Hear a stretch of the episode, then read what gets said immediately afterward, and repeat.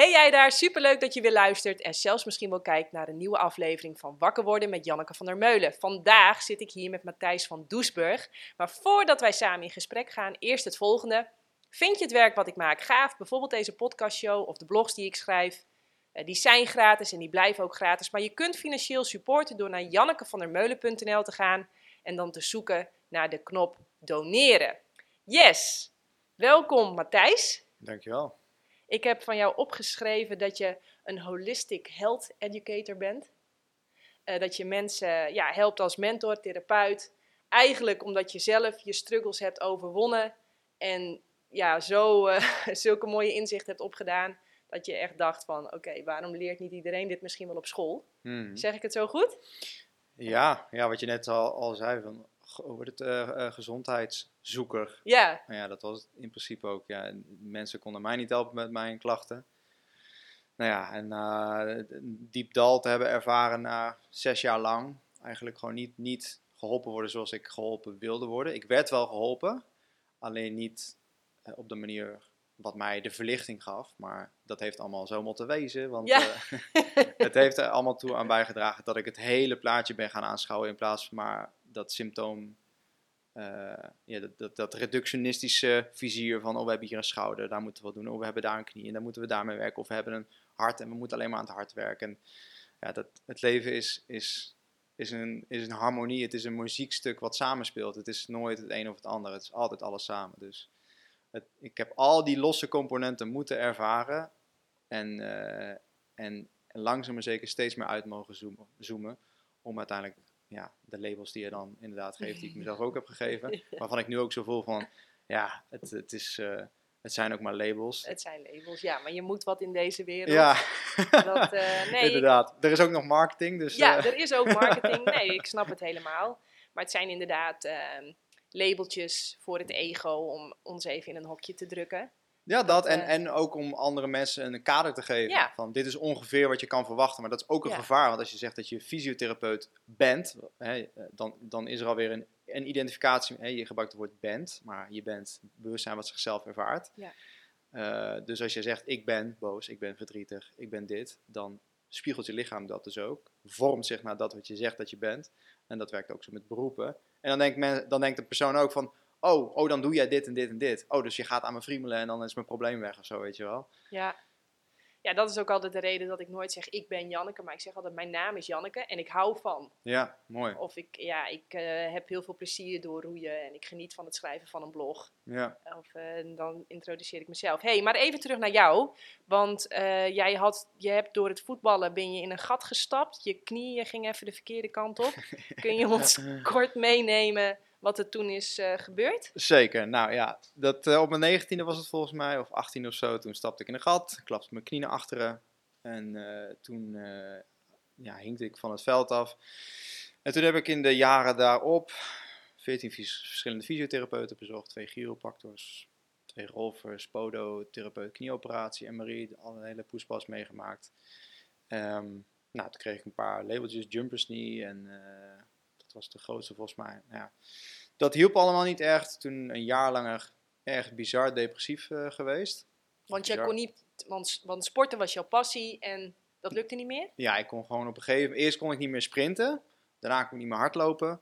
En, en het werd steeds minder en minder. Dus, dus al, ik weet nog dat ik, ik was net klaar met mijn, uh, met de hogeschool, of met middelbare school, sorry. En toen Nee, op de MBO. Nee, net met de MBO. Toen wilde ik fysiotherapie gaan studeren. Toen ben ik drie keer uitgelood.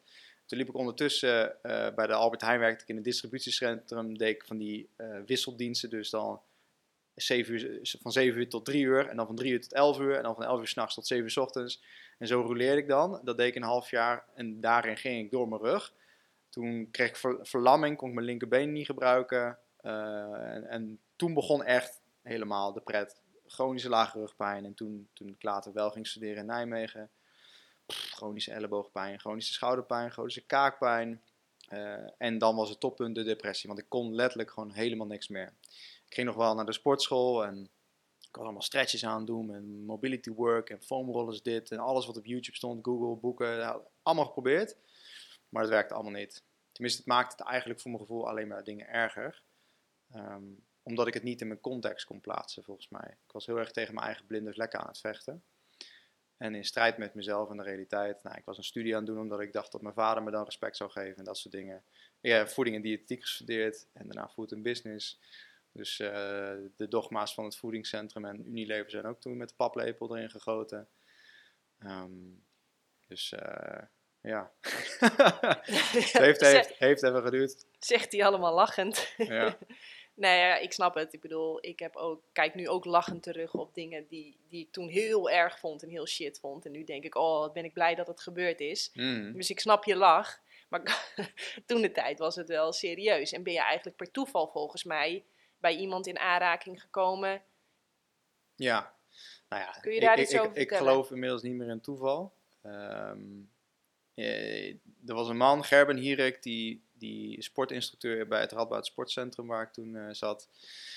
Um, en die zag me al langer kloten. En voor de zoveelste keer was ik weer een warming-up van een half uur aan doen, of drie kwartier of zo. En weer een cooling down van ik weet niet hoe lang. Dus hij zegt, lieve jongen Matthijs, wat ben je allemaal aan doen? Dus ik legde, ik legde mijn verhaal uit. Hij zegt, oké, kom, kom eens een keertje, kom eens een keer langs. Niet geschoten altijd mis. Nou, ik was al ultra pessimistisch geworden door alle mensen die ik al had gezien. Um, maar goed, hij gaf, me, hij gaf me een bepaald vertrouwen om het gewoon te proberen. Uh, Gerben doet PDTR, tenminste destijds. Ik weet niet wat hij allemaal nog meer misschien inmiddels doet. Dat staat voor Proprioceptive Deep Tendon Reflex. Dat is bedacht door een, neuro, uh, door een, een orthopedisch neurochirurg in Mexico. En die kon dus heel de link van de neurologie, dus de connectie van de muscle-mind connectie, zeg maar, heeft hij in kaart gebracht. En met bepaalde spiertestjes kon je zien en testen waar een spier, zeg maar, in de verkramping bleef zitten. En mijn gluteus medius spier bij mijn bil, die was gewoon constant hypertoon. Dus die was zijn functie niet volwaardig aan het uitvoeren. Waardoor mijn, ik zwieberde heel vaak gewoon, ik, zwoog, of ik vloog weg door mijn knieën, zeg maar. Dus dan liep ik van de trap of dan, dan, of dan klapte mijn knieën in één keer weer naar achteren. En dan kreeg ik weer die steek, zeg maar, die ik ook bij het voetbal ervaarde. En hij kon in twee uur tijd, uh, kon die, die blokkade in één keer wegkrijgen. En ineens voor het, ja, voor het eerst in jaren tijd voelde ik in één keer dat ik gebalanceerd in mijn eigen lichaam stond. Dus, dus dat was een enorm Eureka-moment en een heel verlichtend moment. Van oké, er is dus nog hoop. En had het over meridianen en dat soort tafereelen. Dat waren allemaal onbekende woorden voor mij. Ik, ging, ik had heel veel dry kneeling gedaan en zo, maar ik moest iedere keer weer terugkomen, terugkomen, terugkomen, terugkomen. Um, en ook bij Gerben helaas uh, kwam het weer terug. Alleen, Gerben had wel de poort opengezet voor mij. En toen ging er dus een lampje branden van oké, er is dus nog hoop. En dat had ik echt even nodig, na die zes jaar tijd. Dus uh, dat heeft voor mij echt, een, een, dat was echt een mijlpaal voor mij. En toen kort daarna uh, zag ik dat Wim Hof in Nederland weer was. Die was aan toeren door de wereld. Nou, daarbij geweest, nou, depressie weggeademd.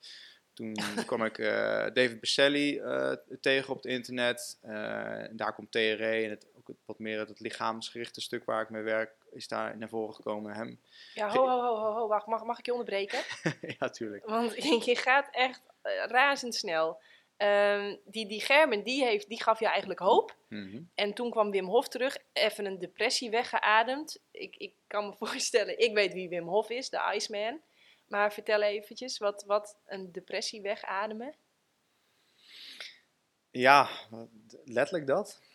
Ja, omdat, kijk, wat ik onder andere van Wim Hof heb geleerd is door die ademsessies. A, je gaat zuurstof toevoegen waar al heel lang geen zuurstof is geweest. Mm -hmm. Dus cellen die letterlijk gestikt zijn, die geef je weer uh, adem, ruimte. Maar hij ademt op een gegeven moment ook die, de, de, de route naar de pijnappelklier, ademt hij vrij. Mm -hmm. Waardoor je echt weer geconnect bent met nou ja, met, ja, eigenlijk met je antenne. Je antenne, je waarheidsantenne wordt eigenlijk een soort van weer schoongemaakt. Zeg ik het zo goed? Ja, nou ja, het is gewoon jouw interpretatie, het is helemaal prima. Ja, nou ja, ik ben nieuwsgierig hoe jij dat hebt ervaren. Want even een depressie wegademen, ik bedoel, ik, ik, ik, ik nou ja, weet zeker, er zijn mensen zegt... die zitten jaren op de bank met pillen. Mm -hmm. Dan zeg jij, nou even een depressie wegademen, snap je dat ik even...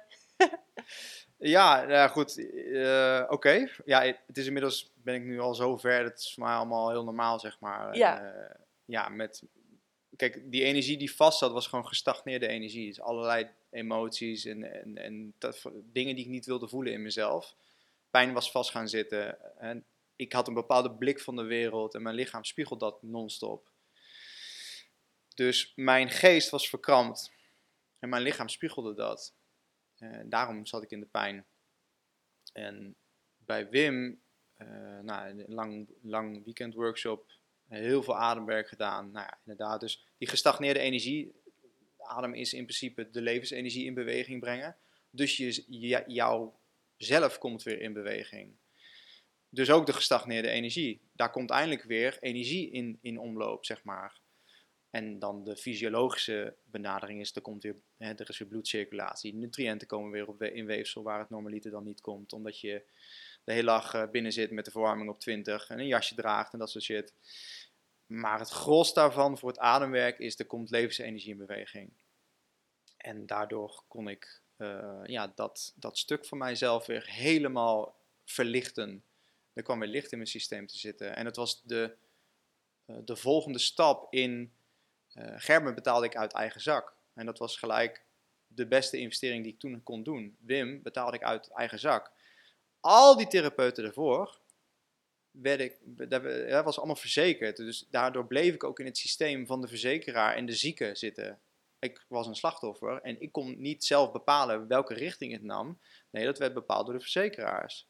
En de therapeuten die opgeleid zijn in het dogma van de opleidingen, die allemaal ook weer teruglinken naar Unilever, de Rockefellers en al die tafereelen als we geneeskunde, big data, religie en zo. Je komt allemaal bij hetzelfde plaatje uit. Dus uh, ja, bij Wim heb ik dat weggeademd en toen kwam het volgende hoofdstuk weer. Ja, ik, ik vind dat zo fascinerend. Ik zeg dat ook altijd als dat, dat ja, ik weet niet, maar op een of andere manier, als iets door de verzekering betaald wordt, dan moet er echt al een lampje gaan branden. Want ik ben nog nooit daar door iemand echt, echt, echt geholpen. Ja, ik denk dat daar dus een mix zit. Want ik heb nu wel bijvoorbeeld mensen die bij mij het traject lopen, dat wordt dan betaald door hun werkgever. En eerst was ik in de overtuiging dat ik dat liever niet wilde, want dan zitten ze er minder zelf in. Want zij betalen niet zelf. En als jij zelf betaalt, dan kan ik jou garanderen dat jij punt B gaat bereiken. Daar zorg ik wel voor. Maar dan moet jij erin zitten. En als jij niet hoeft te betalen, hoef je ook niet te bloeden voor je werk. Dus dan is jouw commitment veel minder groot. En dat is ook de maatschappij waarin we zijn opgegroeid. We hebben altijd iemand die ons vertelt wat we moeten doen, wat we moeten denken, et cetera. In plaats van hoe. Ik leer mensen het wat en het hoe, waarvan het hoe nog het meest belangrijke is. En heel veel therapeuten, als je ze een paar keer de waarom vraag stelt, dan lopen ze vast. Eh, een vriend van mij, Gene van Movement, toen hij zijn zoontje bij het, zat bij het consultatiebureau of zo, of in het ziekenhuis, van, moest er al gelijk een prik in. Waarom? Ja, dit en dit. En waarom dan? Ja, dit en dit. En waarom? Slik. Oh, je bent een wappie. Was toen de reactie van die zuster. Dus als je een paar keer de waarom-vraag stelt, kom je er vanzelf achter met je boerenverstand of deze persoon begrijpt wat hij aan het doen is of niet. En als het niet werkt bij jou, dan moet er duidelijk iets veranderen, zeg maar. Of bij de therapeut, of bij jou, of bij jullie allebei.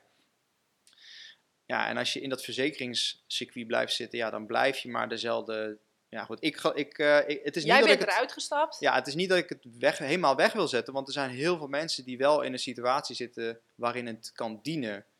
Um, nee, ja, okay, maar voor mij, heeft het, voor mij heeft het niet geholpen. Dat, uh, dus ik, uh... Jij ging naar Gerben, jij ging naar Wim Hof. Dat waren je eerste eigen investeringen echt in jezelf. Ik heb ook nog een ander woord opgeschreven wat ik zo grappig vond. Is dat jij helemaal op zoek bent gegaan naar de handleiding van de mens. Hm. Amusant. Heb je dat ergens gelezen? ja, over jou. Ik heb het je horen zeggen. Oh, Oké, ja, leuk. Dat is wel mooi. Ja, ja ik vond hem zo gaaf. Ik denk, nou, kom op, delen die handleiding met ons. Wat, wat, wat is een soort van stappenplan? Waar moet je beginnen als je klachten hebt? Of is het überhaupt begin? Maar wat, wat kun je mij meenemen in hoe jij dat hebt aangepakt? Hoe, hoe, ja. Want jij had klachten, je had stress, je had trauma, er zat energie vast. Ja, dat wist je toen allemaal niet, maar daar kwam je achter. Mm Ja, nou goed. Misschien om dat verhaal nog even af te maken, anders lijkt het nu alsof Gerben en Wim het uh, oh, ja, ja, ja, ja, ja. hebben. Ja, heel goed. Super. maar dat pad is veel langer dan alleen die twee mensen. Ja. Uh, maar om het ook weer niet te breed te maken. Goed, ik heb, ik heb toen ook in die periode de, de, tv uitgezet. Ik ben het internet ingedoken en de boeken ingedoken. En uh, op zoek naar antwoorden gegaan. Nou, die heb ik gevonden. Mogen, mogen leren belichamen. En er zijn, daarom heb ik ook holistisch therapeut maar gewoon gekozen. En niet per se, het zou ook lichaamsgericht therapeut kunnen zijn of coach. Uh, het is wel dominant dat ik merk dat het lichaamsbewustzijn. Ik heb ook onlangs, ik organiseer ook ayahuasca en wachuma weekenden. dan huren wij shamanen in en daar heb ik ook al behoorlijk wat ceremonies van ervaren. En sinds de laatste is mijn lichaamsbewustzijn helemaal opengezet. Dus in mijn behandeling bijvoorbeeld eh, kan ik letterlijk voelen wat jouw lichaam, jouw mind probeert te vertellen. Maar jouw mind pikt het niet op. En dat is ook weer de maatschappij waarin we groot geworden zijn. Allemaal hoofd, hoofd, hoofd. Stilzitten, stilzitten, luisteren, dingetje herhalen. Allemaal hoofd, hoofd, hoofd. Um, maar goed, hoe ik dat, jouw vraag was dus hoe ik dat nu dus aanpak nou, bij een persoon? Ik, of? ik vind het leuk als je inderdaad eerst dat andere verhaal nog even afmaakt. Van oké, Gerben, toen kwam Wim ja. Hof. Nou, uh, na Wim kwam David Besselli. Ja, dat is, uh, David Besselli is een, uh, een bekende in de traumawereld. Die heeft ontdekt, die werkte in oorlogsgebieden, heeft ook nog met moeder Teresa samengewerkt. En die werd zelf ook wel eens beschoten. Nou, dan duikte ze ineen, zeg maar, met de mensen waarmee die was. En dan als de aanslag, de beschieting voorbij was, dan begonnen mensen zeg maar te trillen.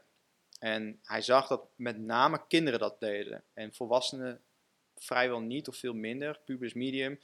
En na een paar keer dat ervaren te hebben, vroeg hij dus aan zijn volwassene: waarom, waarom tril jij niet? Wat is er gaande? En dan zei zo'n volwassen vaak: Ik ben bang dat als ik dat doe, dat ik mijn kind nog banger maak. Dus wat je doet op die manier is eigenlijk het kind leren om zijn energie te onderdrukken. En dat is gewoon de natuurlijke expressie. Ieder zoogdier wat stress of trauma ervaart, trilt het er eigenlijk lineairect uit.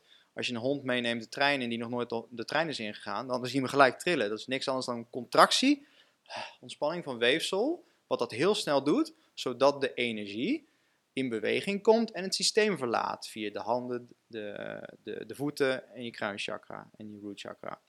Dus als jij niet dat is ook e emotie, energy in motion. Als je lacht of je huilt, of, het is niet ha ha ha ha ha. Nee, ha ha ha. Je lacht met je hele wezen. Dus je kan ook zien aan iemand wanneer iemand niet meer wezenlijk in zichzelf gegrond is en zichzelf belichaamt, begint iemand hier te leven.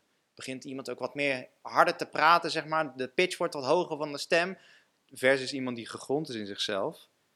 Dan kan de stem zakken het, het, het hangt allemaal samen. Dus bij David, die kwam er dus achter, oké, dus uh, mensen trillen, kunnen hun trauma wegtrillen. Nou, dat is in principe niks nieuws. In de bioenergetica um, heb je therapeuten als Wilhelm Reich en Alexander Leuwen, dat zijn lichaamsgerichte En die deden al heel veel oefeningen waar ze bijvoorbeeld, een voorbeeldje is de, de bow van Reich. Dan ga je helemaal staan, rek je helemaal uit, monden uh, of ogen, mond wagenwijd open en je blijft eigenlijk zo hangen. Je duwt jezelf helemaal naar voren en op een gegeven moment sta je, sta je helemaal te trillen. Want jouw lichaam is dus ook jouw façades, dus jouw maskertjes aan het spiegelen. En daar kun je doorheen breken. Daar zit spanning vast. Daar waar je niet durft te voelen, waar je niet durft te ademen. Dus je kan er via verschillende wegen komen. Dus daarom zie je ook bij Wim tijdens dat soort dingen, uh, evenementen ook, dat mensen helemaal, dat ze een catharsis ervaren, zeg maar. Nou, dat kun je nog makkelijker met lichaamsgerichte therapieën doen. Of sneller, waar ademwerk een hele mooie tool voor is. En David die heeft dat eigenlijk, is die dat gaan onderzoeken. En uh, nou, hij kwam erachter dat uh, heeft Dr. Stephen Porges en Deb Dana hebben de polyvagaaltheorie.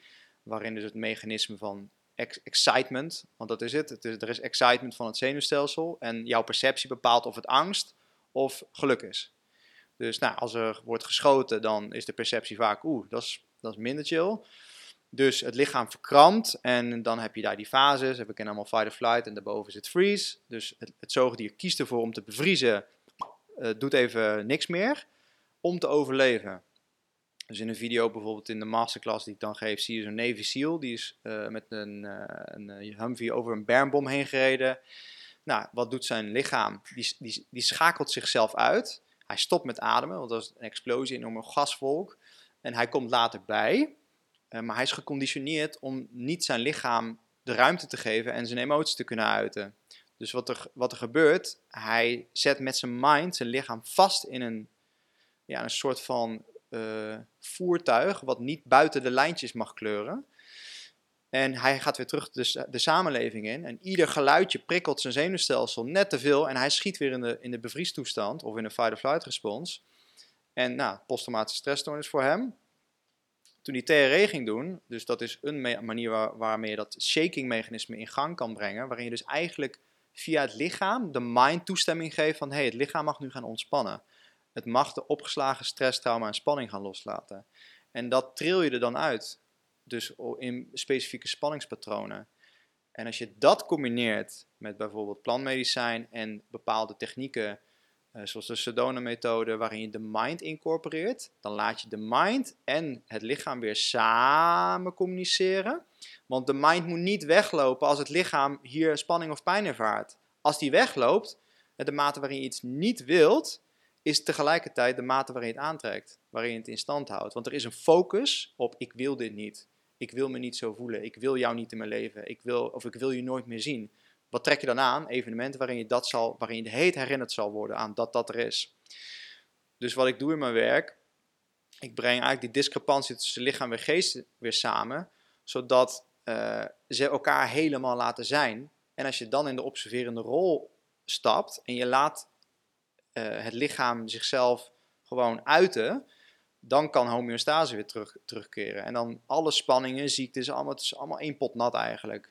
Het is gewoon innerlijk conflict en conflict met de buitenwereld. En dat is ook innerlijk conflict. Dus of het, eh, dat kan zich uh, spiegelen in het eten van bepaalde dingen, uh, het, het haten van bepaalde dingen, het niet willen eten, uh, verzin het maar, klacht hier, klacht daar. Het is, het is, het is gewoon echt één, één pot nat. dus David is heel erg van de lichaamsgerichte therapie. Nou, ik heb daarna tig, tig mensen, experts, uh, artsen in kwantumbiologie en allemaal andere leuke dingen nog uh, geïnterviewd. Maar de core, de, kern is wel voor mij de, ja, de psychosomatiek. Dus hoe het lichaam en de geest constant in, in, in gesprek zijn met elkaar en met het leven. En je trekt de hele dag maar de godsganselijke, je trekt de heet binnenwereld aan. Jung die zegt, until you meet the inside, the inside will meet you on the outside.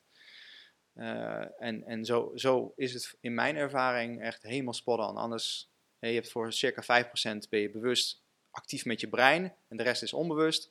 Dat is te veel data als je dat allemaal in één keer zou tot je moeten nemen. Dus ook dat is het evolutieproces wat wij hier als mens op aarde ervaren. We worden steeds bewuster. Er zitten cycli en fases in groeien van bewustzijn.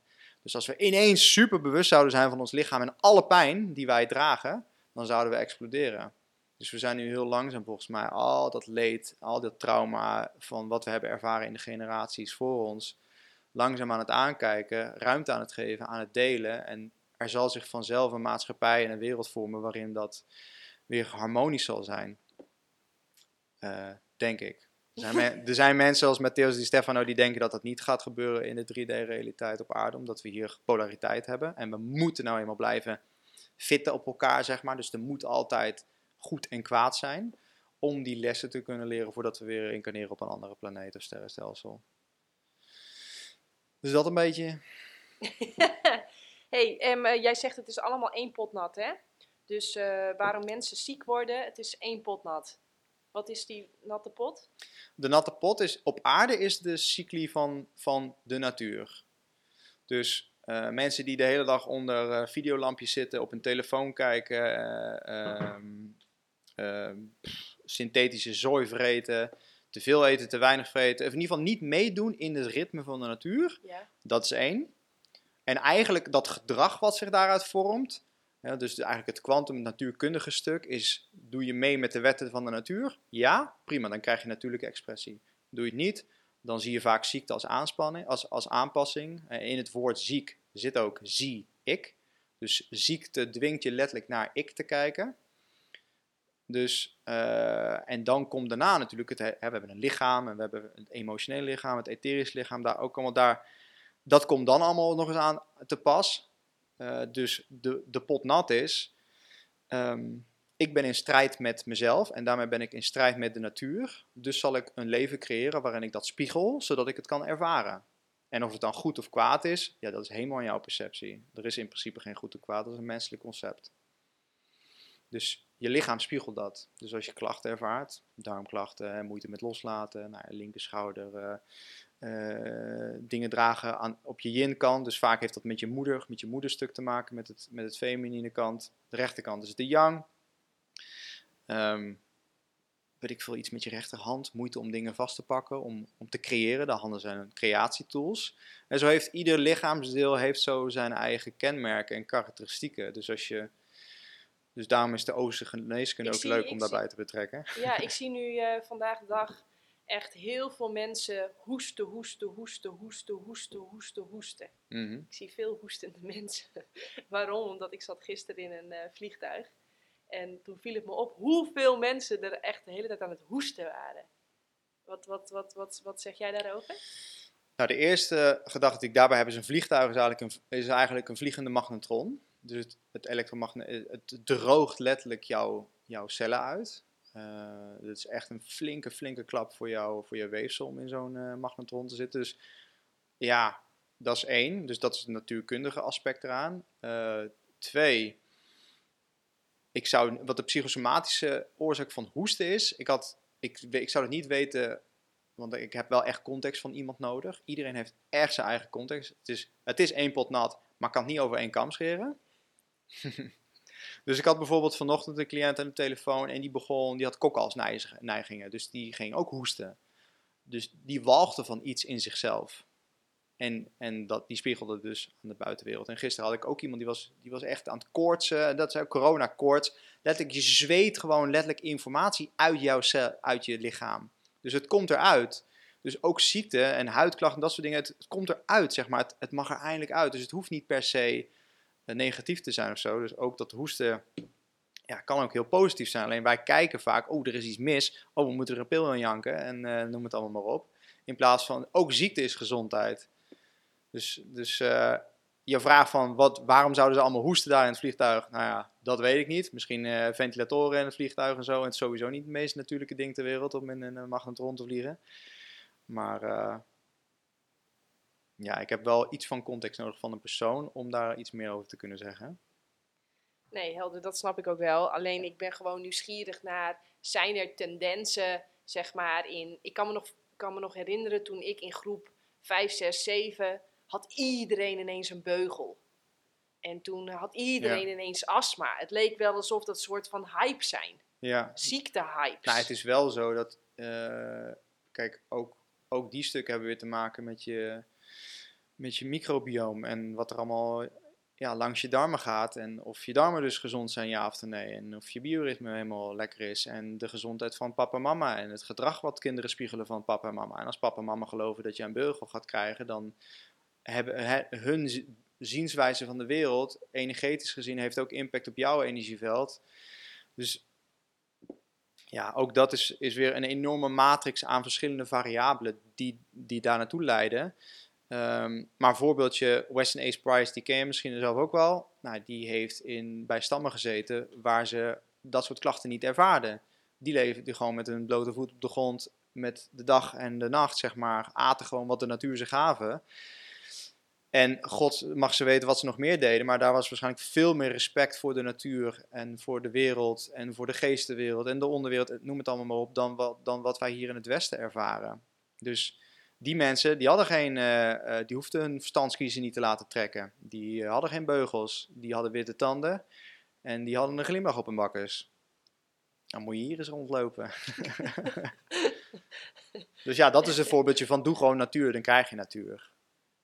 Oké, dus dat is, dat is de samenvatting. Dat en is, iemand die ziek wordt, dan is de kans groot dat hij te ver van de natuur af is. Dat is de, ja, dat te is, veel schoenen aan, te veel na- onnatuurlijk licht, eh, te veel eh, zitten, te slecht eten, te weinig, te oppervlakkig ademen. Het is niet per se dat dat, dat dat al slecht is of zo, maar het is meer waar is de balans?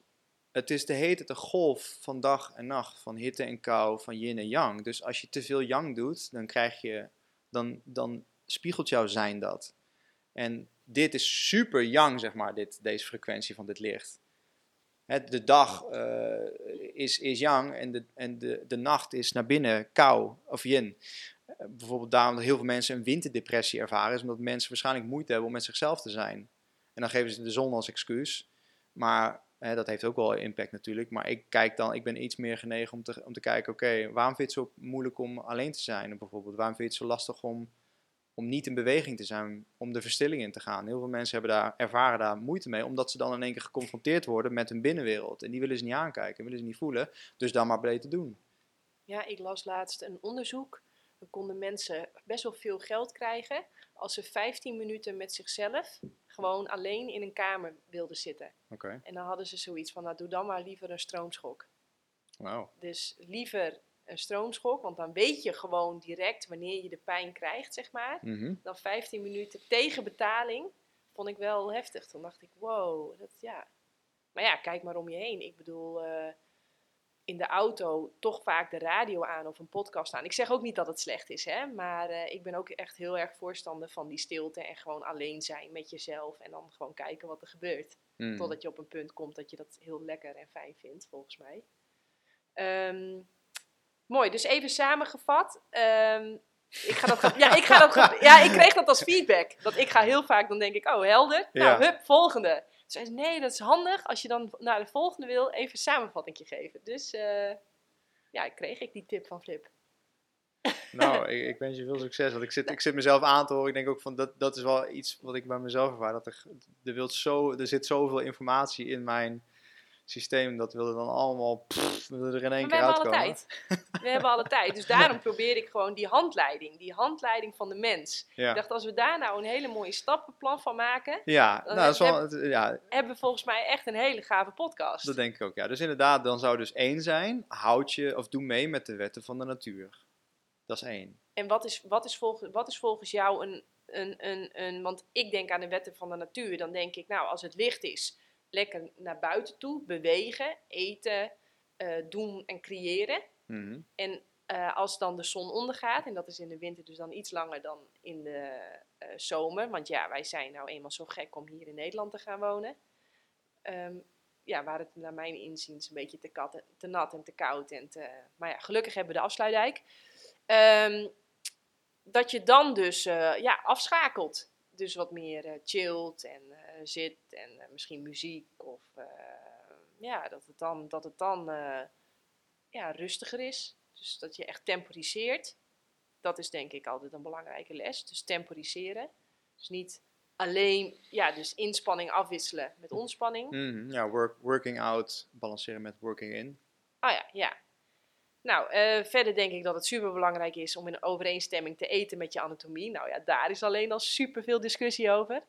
Ik weet niet wat jij ziet als het optimale dieet voor de mens. Ja, ik geloof niet dat er één dieet is. Dat, eh, ja, ik vind het leuk daarom dat ik hier vandaag bij jou zit. Want in het begin heb ik wel echt weerstand ervaren op dit soort tafereelen, zeg maar. Op dit soort boeken. Op, op veganisme en, en vegetariër zijn. Maar ik ben inmiddels wel... eh, nu ervaar ik veel meer het bewustzijn waarin wij... ehm, we zijn naar iets aan het toegroeien, zeg maar, als mens. Sarah Leers schrijft ook in eh, Human Design dat we waarschijnlijk in 2027 eh, veel minder vlees zullen gaan eten, of niet meer. Ehm, kijk, vanuit evolutie, evolutionair ge- gekeken, vroeger, we hebben het gewoon te doen met wat de omgeving ons geeft. Dat is eigenlijk het meest bazaal. Je kan niet tegen een Inuit zeggen, hier, lees dit boek, ga maar alleen maar eiwitvrij eten, pik er is alleen maar vlees. Dus je hebt het daar nou eenmaal mee te doen. Dus je kan wel, je kan wel met je menselijke ideeën vinden dat het zo is, of zo moet, of zo is. Maar dan zegt de natuur, ja, maar dit is nou eenmaal wat het is. Dus dat is één. Dus er is, je hebt nou eenmaal te dealen met wat het leven jou geeft. En dan mag jij kiezen wat je gaat creëren in dat wat je, wat je doet. En dat is helemaal aan jou natuurlijk. En dat is Ehm. ook direct een heel belangrijk woord, want je zegt kiezen. En dan denk ik in Nederland, hè, dat wat dan mijn doelgroep is, is er heel veel keuze. Het is echt bizar wat je hier kunt kiezen. We hebben al het voedsel bijna van de hele wereld tot onze, tot onze beschikking. Hmm. Dus we kunnen, wij kunnen echt, daar, voor ons is de keuze echt reuze. En dan vind ik het gaaf dat als de keuze reuze is en eh, je wil niet overleven, zelfs niet leven, maar je wil kunnen geven, om dan te kijken van ja, wat is de win-win? Wat is nou echt, wat is nou de grootste win-win? Wat is nou een keuze die voor zowel mezelf als mijn omgeving de meeste winnaars geeft? Dus dat is, dat is eh, maar ik val je in de reden. Ja, nee, is prima. Dat, ehm, dus dat is, dat is hoe ik kijk.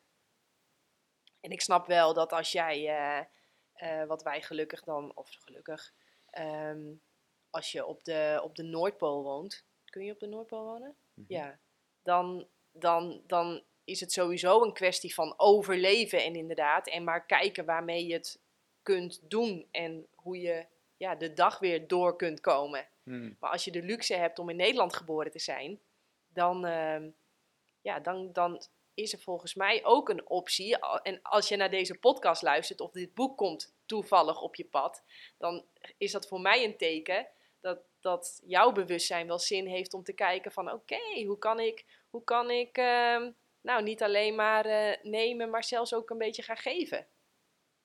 Dat En, is, en, en waarom zeg je dat? Wat, wat, wat maakt dat je.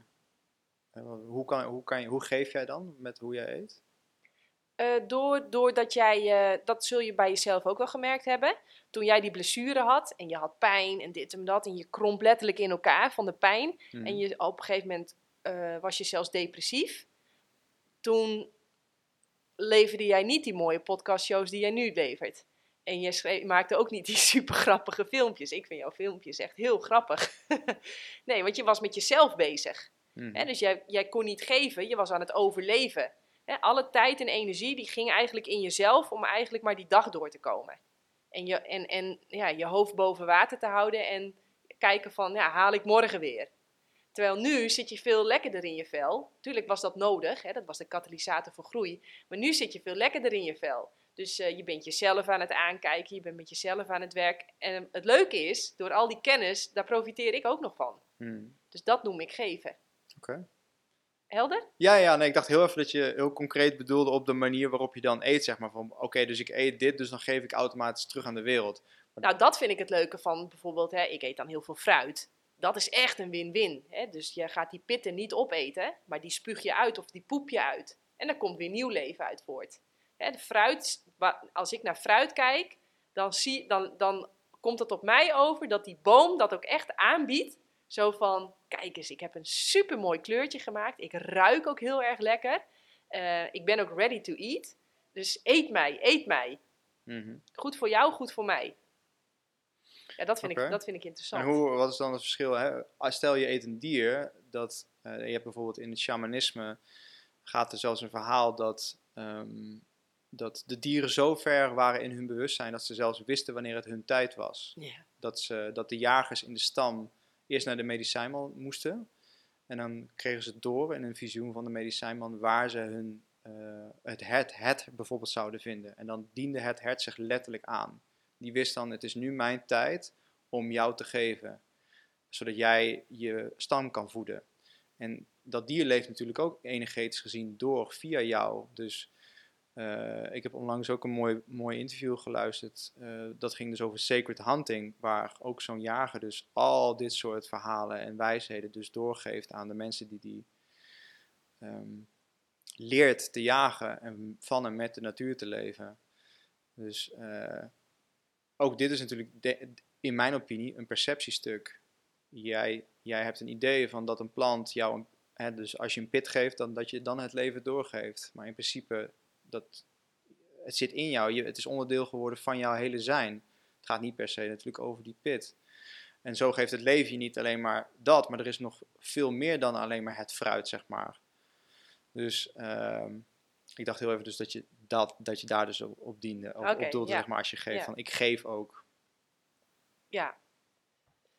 Ehm, we zijn nog steeds bij eh, de handleiding handleiding. van de mens. Ja. dus eh, les 1 was eh, met de natuur, door de natuur, voor de natuur.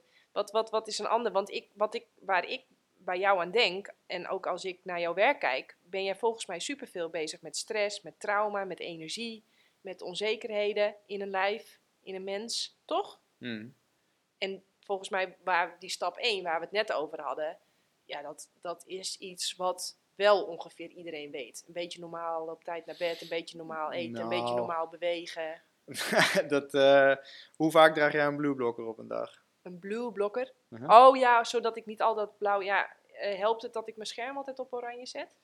Dat ligt eraan met welke technologie je dat doet. Oké, nou ja, en sowieso zo min mogelijk met dat ding. Ja, nou dat sowieso. De router uitzetten, het liefst gewoon bekabeld internet. Ja.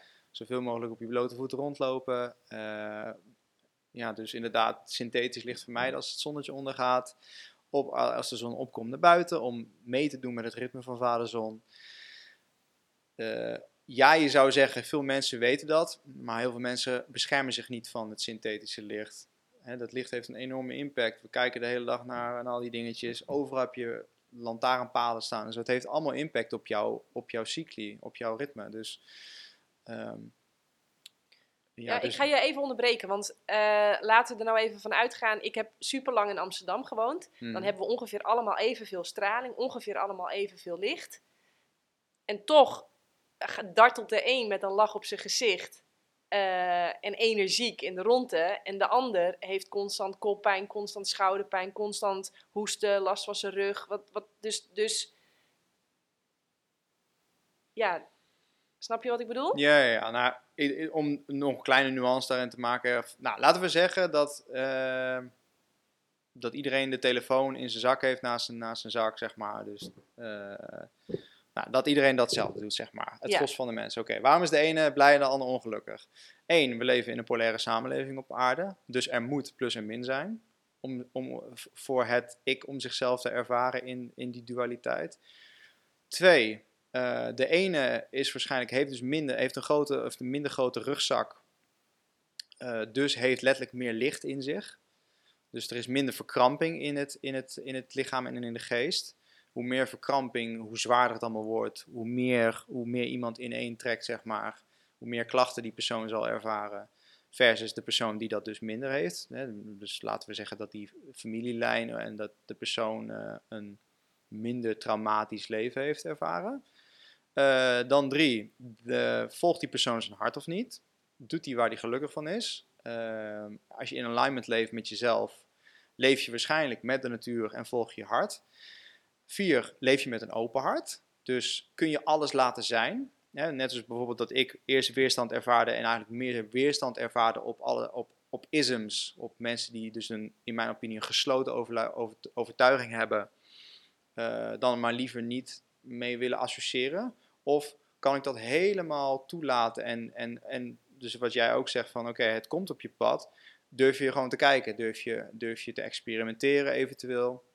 Dus met een open hart het aangaan in plaats van dingen maar weg te, te, te zetten en te bestempelen en te veroordelen. Want zodra je aan het veroordelen bent, ben je alweer mee aan het spelen in het, in het separatiestuk.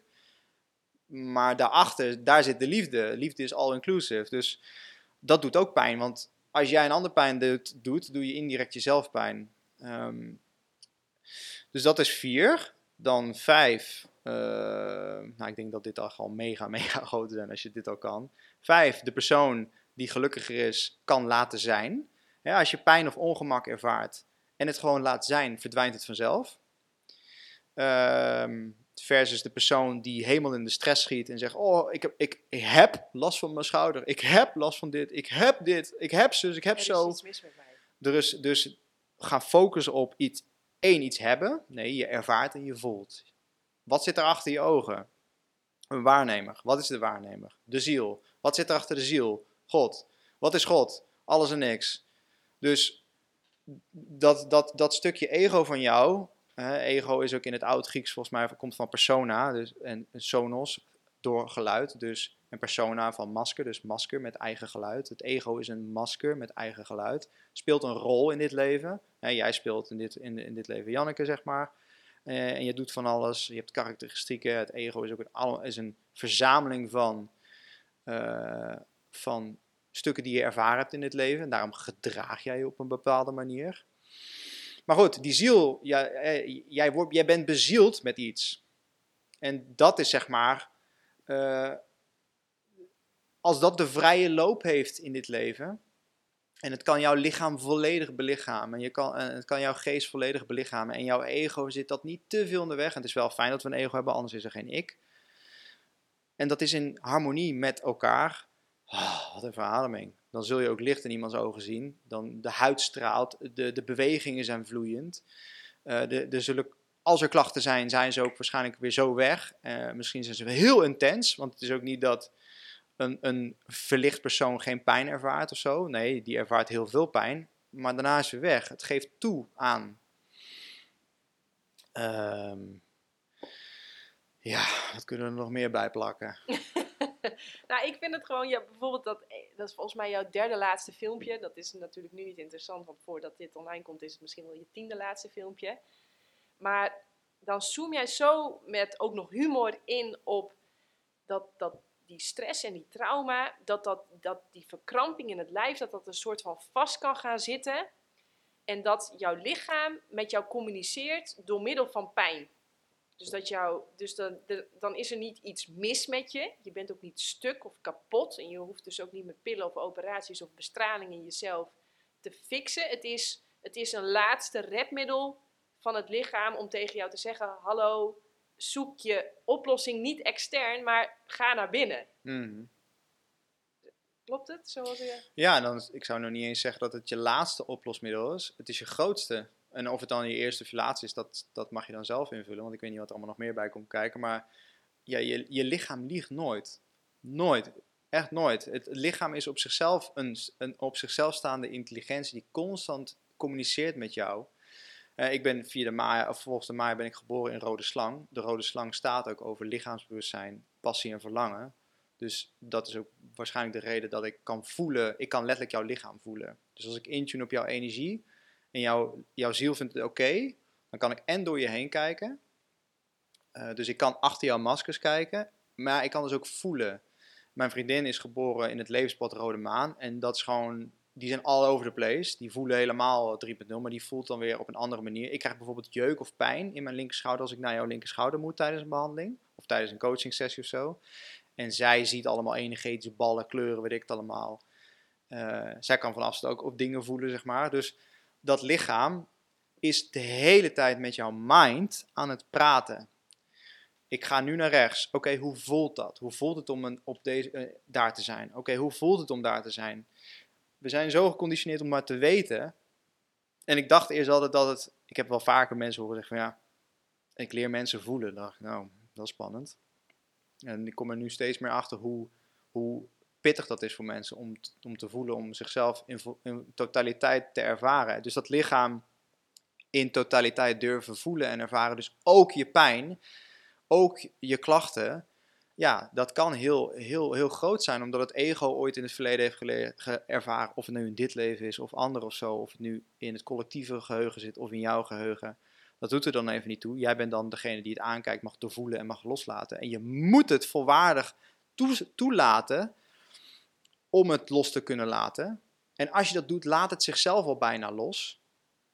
Ehm, als jouw mind dat op dat niveau zit.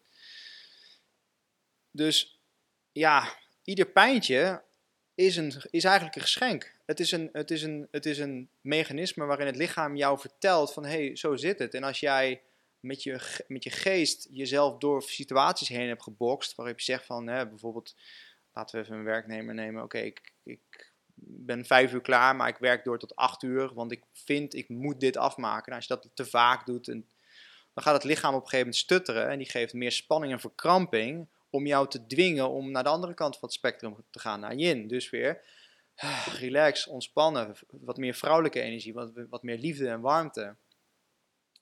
En ja, zo geeft letterlijk iedere klacht, of nou je pink is, of je, je oor, of je neus, je oog, je huid, uh, je, je, teen, je bil, je, je darmen, je, je, nieren. Alles heeft zo zijn eigen energie en manier van communicatie. Ik moet even niezen. Succes.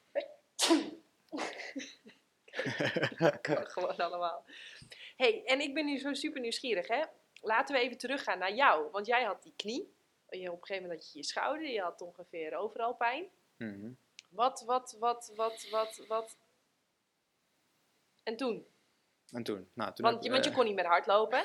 En nu ben je inmiddels weer... Ja, negen, negen jaar of tien jaar later kon ik weer pijnvrij hardlopen. Dus het is gewoon een heel lang pad geweest en een proces waarin ik dus Kijk, al die dingen die ik nu deel, heb ik, dat heb ik vanuit zoveel verschillende bronnen zeg maar, weten te, te halen.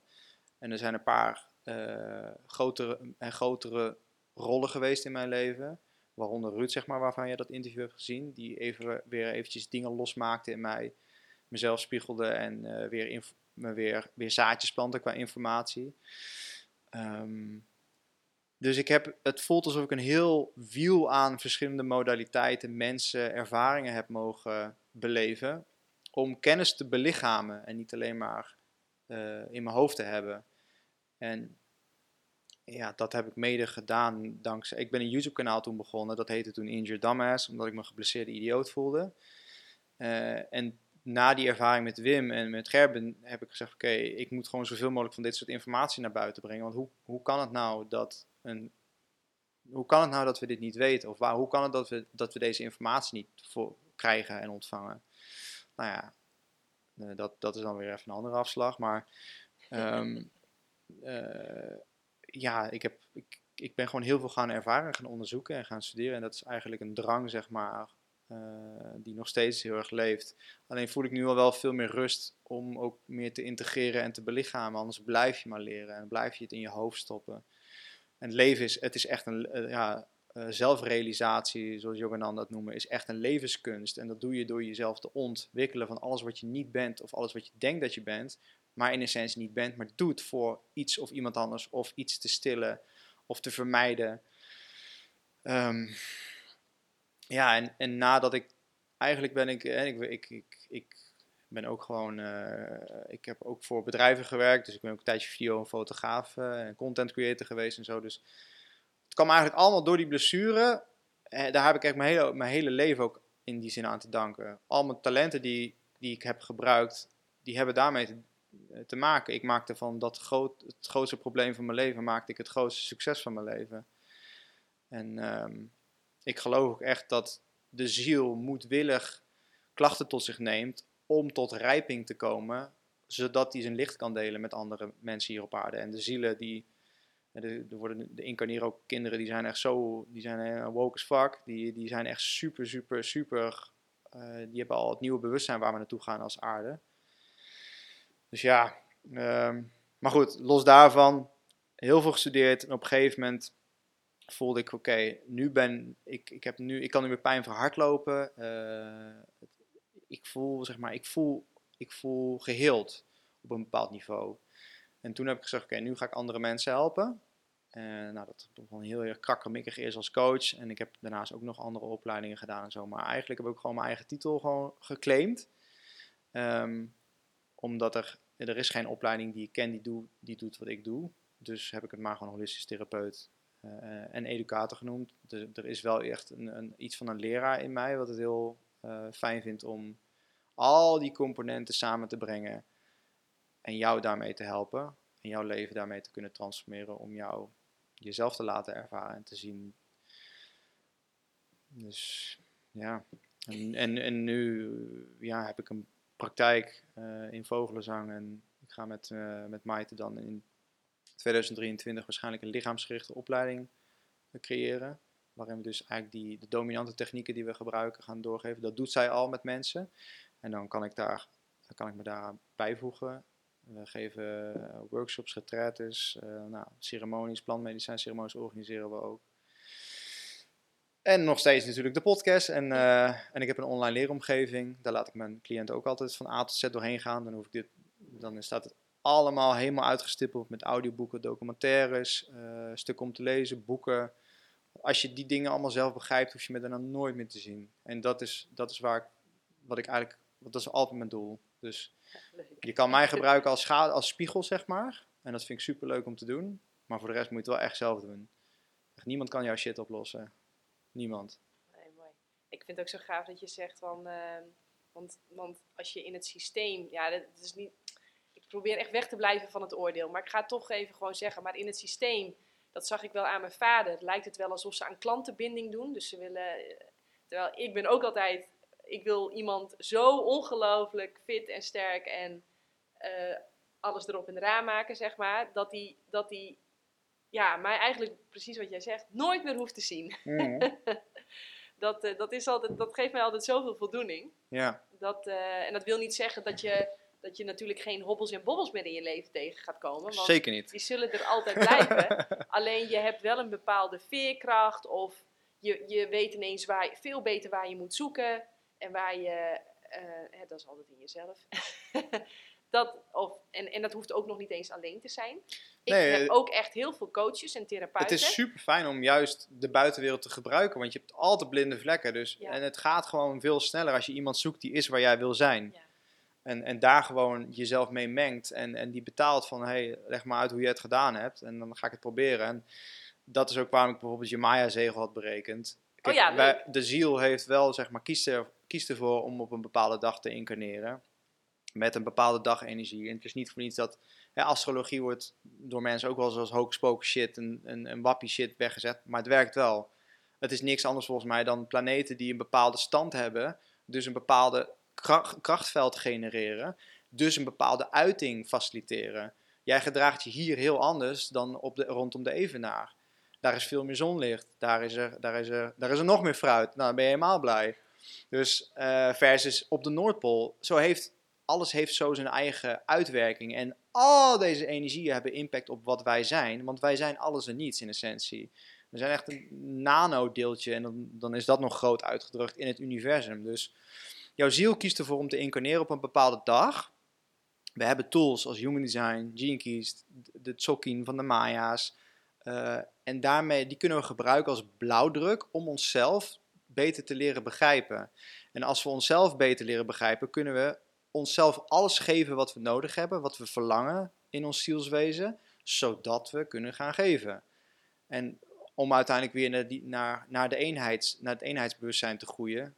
Maar goed, we zitten in een cycli. Steiner heeft, heeft daar voorspellingen over gedaan. Eh Alan Watts eh, neemt, heeft ook mooie stukken waarin die eh, uit India heb je een bepaalde cyclus van hoe het universum zeg maar, zichzelf hè, ook weer in en uit duwt. En daarin zitten cycli van bewustzijnontwikkelingen in. Wij zitten nu in het stuk waarin we heel. eh, we zitten in een van de meest duistere stukken volgens, volgens die filosofie. Ehm, en daar komen we dus nu uit. Dus, dus het gaat nog. Waarschijnlijk gaat het nog veel kutter worden dan dat het nu is. En echt heel fucked up voor heel veel mensen worden. Maar dat hebben we dus nodig als collectief om onze eigen shit aan te kijken. Omdat, we, omdat te veel mensen wegkijken van hun eigen duisternis. Ehm, nou, dan heb je de Tao Te volgens mij nog. Daar, daar, daar zeggen ze ook iets moois. eh, dat, eh, nou, ik denk dat als ik dat er doorheen ga, dan wordt het iets te warrig. Maar daarin speelt ehm, eh, God volgens mij... eh, nee, ik weet hem niet meer precies. Ik denk, daar kan ik beter van wegblijven. Maar goed, om even terug te komen. De ziel heeft dus, kiest dus een dag om te incarneren. En je hebt tools als Human Design, Maya, bla bla bla. Om jezelf te helpen herinneren wie je bent. Want ehm, dat is dus ook interessant om Sarah Leers nog even te proppen. In Human Design worden dit soort stukken dus, hè, ook eh, veganisme, vegetarisch, dat soort stukken zitten letterlijk in jouw blauwdruk opgeslagen. Dus ehm, dat bijvoorbeeld sommige mensen geen vlees moeten eten in, zonder, eh, als ze niet in de aanwezigheid zijn van andere mensen. Omdat hun biologie op, groot geworden is met een stam. Dus dat alleen maar at met een stam. En dat hun biologie dat het beste kan verteren in nabijheid van andere stamleden. Dus en als je dat niet hebt, dan is het, eh, eh, kun je beter geen rood vlees eten. Allemaal van dat soort dingetjes, zeg maar. Dat, dat is allemaal, vind ik in ieder geval, reuze interessant. En dat geeft net iets meer houvast voor de ziel om zich op zichzelf te richten. En om dus te doen waarvoor die hier is. Letterlijk je, je missie in de hele reutemeteut kun je allemaal terughalen. En je ziet heel veel overlap in die zienswijze. Maar goed, ik eh, ben geboren 4-11-1986. Ik zal hem er even bij ik, pakken. krijg, eh, ik krijg nu even een eh, psychologisch rapportje. Ja, dus even kijken. Ehm, Jij, jij doet dit met, als, als jij gaat samen... Stel je voor, ik zou jouw cliënt zijn. mhm. Dan zou jij ook eventjes een, de Maya-kalender erbij pakken. Zeker ja. Wat ik, dan, wat ik dan met mensen doe als ze bij mij komen, dan gaan we eerst, eerst deel ik zo'n intake document. Wat, is je, je grootste nachtmerrie je grootste droom? Mensen leven vaak naar een van die twee toe. Dan hè, wat voor cijfers van 1 tot 10 geef je je, je seksleven, je financiën, je missie, bla bla. En dan komt de, het meer medische stuk. Oké, waar heb je allemaal last van je lichaam? Wanneer heb je wat gebroken, gescheurd? Eh, en dan volgens het voor die model van Paul Check. De, Wat, wat, sorry, wat zei je als laatst dan voor die? volgens het model van Paul Check. Oké, Dus volgens, ja. Dat is voor, voor mij echt, eh, zie ik echt als een van de, de goats op het gebied van holistische gezondheid. Dat is, eh, ja, als je die niet kent, dan gaat er echt, echt een waanzinnige wereld voor je open. Maar goed, die, eh, dat, die gebruik ik. Dan krijg ik scores aan de hand van stress, slaapwaak, schimmels, parasieten, et. Dan kan ik zien van oké, hier heb jij dus echt aan te werken en daar kun je winst mee behalen. Dat schuif ik aan de kant. Dan kom je vervolgens bij mij in de praktijk. Dan zet ik je neer op een bank en dan ga ik naar je zitten kijken en luisteren. En eh, dat doe ik even een tijdje. En dan vervolgens pak ik een bord erbij. Gaan we een traumatijdlijn maken. Dus van nu tot aan geboorte zetten we jouw klachten in prioriteit eh, op het bord. Vervolgens gaan we die plaatsen op de tijdlijn. Dus nou, hè, ervaar je dat al een maand of een half jaar of zes jaar. En nou, dan op een gegeven moment ontstaat er dus een beeld. En dan ga ik zitten prikken wat is er nog meer gebeurd. Uh, en dan ontstaat er vaak al, zie je al de lijntjes waarin letterlijk de klacht die je nu ervaart hetzelfde is. Wat nog niet uh, tot, in totaliteit is ervaren, zeg maar. Dus het moet, het moet dooretteren, zodat de persoon naar de kern van het probleem kan. Nou, en dan een stukje familie erbij, zeg maar. En uh, zwangerschap heeft ook allemaal een enorme impact op hoe je immuunsysteem wordt neergelegd en zo. Dan gaat die weer aan de kant. En dan uh, krijg je van mij psilocybine, dus paddenstoel. En uh, dan gebruik ik dus een, een microdose. Dus tijdens de ceremonie krijg je 14 tot 18 gram. En in mijn behandelingen werk ik met ongeveer 0,6 gram of zo. Dus je ziet wat kleurtjes, je gaat heel erg naar binnen. Die prefrontale cortex waar het ego, het ik zit, zeg maar, wordt gesust. Je gaat naar, dus je kan veel beter voelen. En je kan laagjes gaan voelen in jezelf. En laagjes gaan voelen in je gedachten. En laagjes gaan voelen in je pijn. Um, en dan door middel van ademwerk, adem, of, uh, uh, dan doen we bijvoorbeeld eerst wat ademwerk om het lichaam in te komen. En dan gaan we vervolgens, ga ik je aanraken, of de, ik doe ook behandelingen samen met Maite, met mijn vriendin. Dus dan werken wij samen op jouw lichaam en geest eigenlijk. Dus dan raken we ook de plekken aan waar je spanning en pijn ervaart. Om jou eigenlijk te laten voelen van wat, je, wat daar zit. En als je dat lang genoeg ruimte geeft, kun je letterlijk onder de laag komen van de pijn. En dan komen dan bijvoorbeeld beelden bij, of je krijgt in één keer koud of, of warm. En allemaal afleidingen van het zenuwstelsel, zodat hij weer de pijn niet hoeft te voelen. En dan uiteindelijk kom je bij de kern van het hele construct, van het hele complex. Nou, bijvoorbeeld, ik ben een keertje verkracht geweest of zo, of mama is dit gebeurd, of mijn, in mijn vaders lijn is dit gebeurd, en bla bla bla. Oké, nou dan hebben we nu de kern. Je hebt hem ruimte gegeven, je hebt hem ervaren. Maar het is niks anders dan nu een verhaal wat zichzelf recreëert. Dus een, een, het is eigenlijk een, een, een, een maya, een illusie geworden. En met de Sedona-methode gebruik je loslaatcommando's om letterlijk via je mind uh, en, je, en, je, lichaam eigenlijk het nu de spanning los te laten. Het is niet dat je zegt van oké, de pen die jij vasthoudt is niet ga ik proberen mijn telefoon los te laten. Nee, ik laat hem los. Ik besluit dat ik hem loslaat. En zo werkt het ook met gedachten en gevoelens, emoties, etc. Op een gegeven moment als je de golf hebt beleefd, kun je hem gewoon loslaten. En zo gaan we eigenlijk door je hele bewustzijn en je hele lichaam heen, laten al die dingen los. En vanzelf ontstaat er meer ruimte. En halen we eigenlijk de, kern van, van de klacht weg. En dan herstelt de orde zichzelf. Nou, en als ik, dat doe ik dan, dus dat is dan een live behandeling. En dan stuur ik je naar Hans, die is radardeskundige, dus die kan je zielsbestemming via het oog lezen. En je bestemming. Een klassieke eroscopist die kijkt wat er fout is meer gezond of wat er, wat er niet goed is. Hij kijkt naar je ziel. Um, dus, en dan daarnaast dan heb ik ook al dus mijn Maya-zegel uitberekend van jou en jouw human design. En dat, dat schrijf ik ook op het bord, want jij hebt dus bepaalde karakteristieken. Zo heb je bijvoorbeeld Lamat, dat is de gele ster, en Ahau, de gele zon. Die schijnen licht. Bijvoorbeeld Karen Hamaker Zondag is een, is een gele ster. Die brengt harmonie. Uh, dus die hebben vaak een hele ontwapende energie. Uh, zijn hele vriendelijke, fijne mensen om in de buurt te zijn. Um, en die zijn de meest beroerde leugenaars ter wereld. Omdat ze alles in het licht zetten. Kunnen ze niet, kunnen ze niet dingen in de duisternis zetten, want dan laat ik het weg. Jij bent geboren in Witte Hond. Witte Hond, de, de Maya-naam daarvan is Ok. En in toon 4. Uh, in het levenspad Blauwe Hand. Ik zal even deze erbij kijken. Nog één want, keertje. want jij vroeg, jij vroeg niet naar het tijdstip waarop ik ben geboren. Nee, als ik jouw human design zou willen weten, dan zou ik wel jouw tijdstip nodig hebben. Oké. Okay kwart over vijf. Oké, okay, ik, ik, doe, ik doe even, want het zijn natuurlijk wel flinke rapporten. Dus die ga ik, ik, doe, ik hou het nu even bij de Maya-zegel. Dat was 4 november 84, toch? 86. 86. Oké. Okay.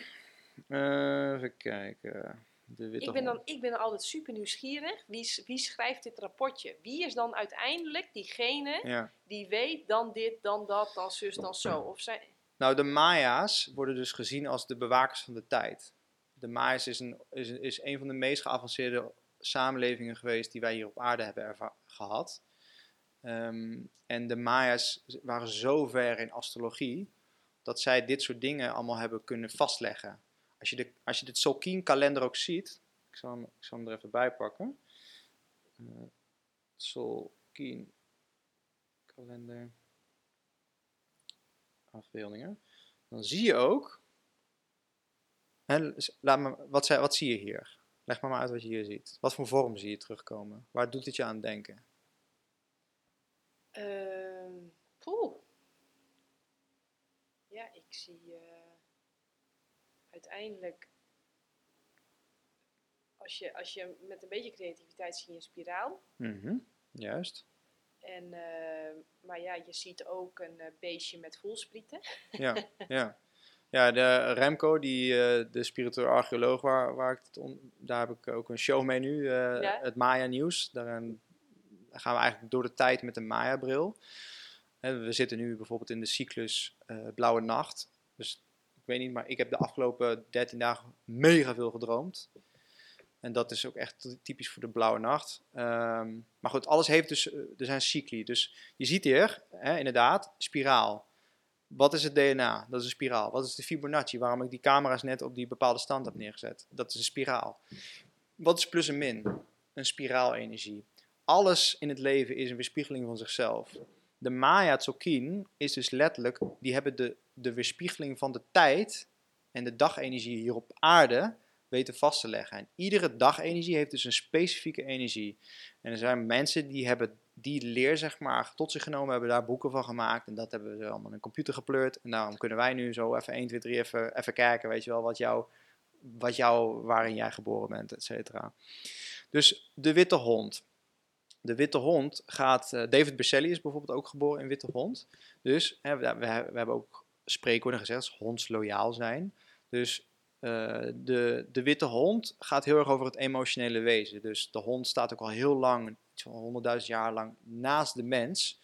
eh, en is echt door dik en dun, zeg maar. Dus eh, even kijken, ik zal even een stukje voorlezen over de witte hond. Ik ben Ok, dus dat is de Maya-naam, zeg maar. Hond. Ik ben je vermogen tot liefhebben en opnieuw te beginnen. Ik breng je loyaliteit en hulpvaardigheid.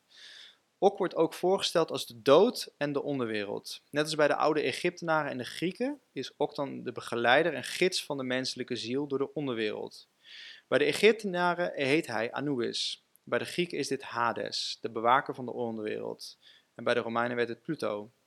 Het bijbehorende sterrenbeeld is Canis Major, de grote hond. En in het derde oog van dit sterrenbeeld bevindt zich de ster Sirius, de, hondes, de hondster, de nachtelijke zon de tegenhanger van onze zon.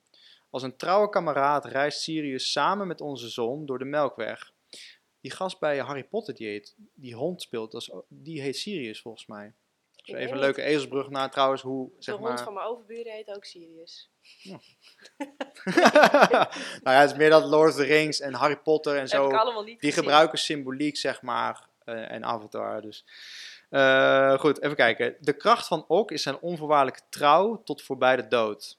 Ok is de waakhond, die bewaker van, eh, de bewaker van alles dat liefdevol voelt. Ok bewaakt wat je lief is en opent de weg naar de nieuwe perspectieven en levenswegen. Ok reist altijd met je mee. Ok is trouw en hij of zij is de alomvattende liefde in een persoonlijke vorm. Volgens de witte hond, hè, dus eh, de witte hond leeft in een mentale wereld en werkt volgens reden. Hij of zij heeft een sterk gemeenschapsbewustzijn en is verbonden met de energieën van liefde en het hart. Ook is zeer loyaal naar vrienden en familie. Deze zon verfijnt de informatie van de geest en formuleert deze openen op een manier die, toegankelijk, die het toegankelijk maakt voor anderen. Hij ontvangt informatie via het kruinchakra.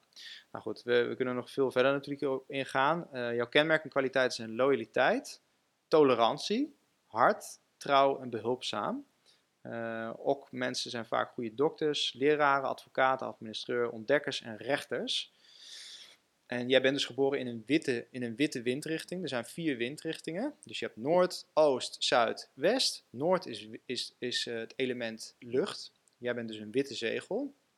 En de witte zegels staan voor verfijning.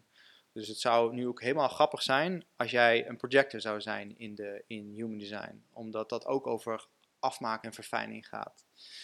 Ehm, en jouw levenspad is dus blauwe hand. Dus jij bent geboren in witte hond. En dat doe je met de twist van de blauwe hand. En de blauwe hand, eh, in een nutshell, volgens mij, dat zijn echt dat zijn geboren genezers. Die letterlijk hun handen kunnen gebruiken om genezing uh, plaats te doen vinden. Dus ik ben zelf minder bekend met jouw zegel. Ik heb ook nog nooit iemand behandeld in die witte hond is. Maar ik gebruik dus altijd die stukken omdat ik dan de persoon zijn eigen geschiedenis en, en zijn klachten en zo kan helpen begrijpen. Er zitten vaak hele typerende dingen. Hier bijvoorbeeld, een valkuil van jou is, is dus waarschijnlijk dat je te loyaal bent aan mensen. Dat je niet van je afbijt. Een hond die te loyaal is, die zich gewoon laat trappen en gewoon toch bij zijn baasje blijft. En dan ben je ook nog een schorpioen. En al die stukken zijn allemaal planetaire stukjes informatie wat jij kan gebruiken om jezelf te wijzen, letterlijk, daar mag ik naartoe, wijzen, wijsheid, in het leven te gebruiken.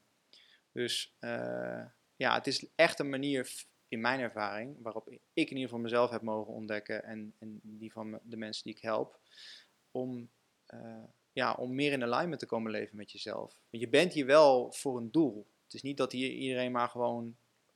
Ja, dus ja, het- het- iedereen is hier maar gewoon. Oké, dus het leven heeft wel zin en het leven heeft ook een doel. Zeker, absoluut. Het is één, het, het is een, het is, eh, en wat dat doel dan mag zijn, dat is aan jou en de schepper.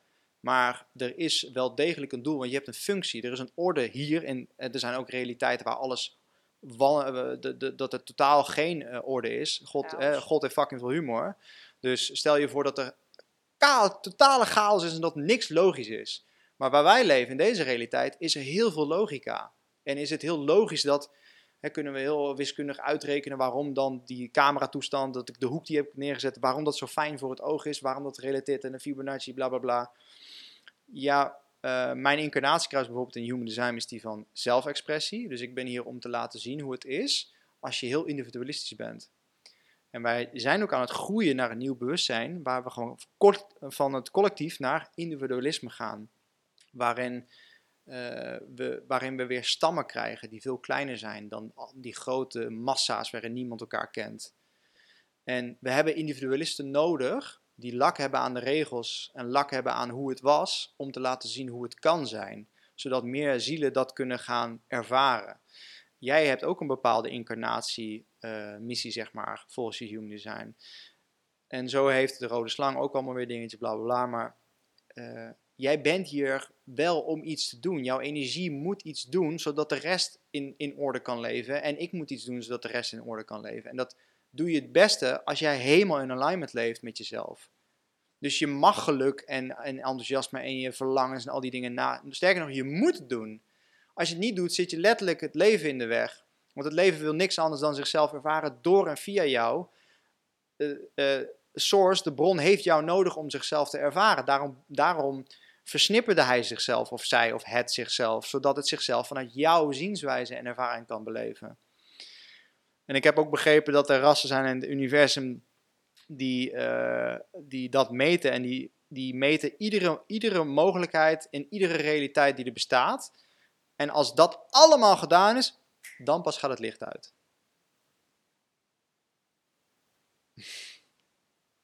Dus tot die Dus- tijd, Dus, dus wanneer jij doodgaat, ligt al vast. dat weet ik niet. Oh, dat weet je. Oké, maar jij had het net over dat als alles dan op een gegeven moment tak, tak, tak, tak, tak. Ik zie helemaal zo'n zo'n zo'n Mhm. cijferslot. Ja. En alles op pats, dan gaat die open en dan gaat het licht uit. Dat is dus van het, van het universum. Van het hele universum. Ja, en, eh, en als dat gebeurt, Maar dat heb jij toch ook op, jou, op jouw microniveau? Ja, alleen dus het, het punt is wel dat, eh, omdat volgens ik, in mijn idee is het leven oneindig. Energie gaat niet verloren. Dus het universum, maar ja, maar ik- het is voor mij een vraag, want ik weet het niet, maar het is mijn idee daarbij. Ik heb het gevoel dat het leven oneindig is.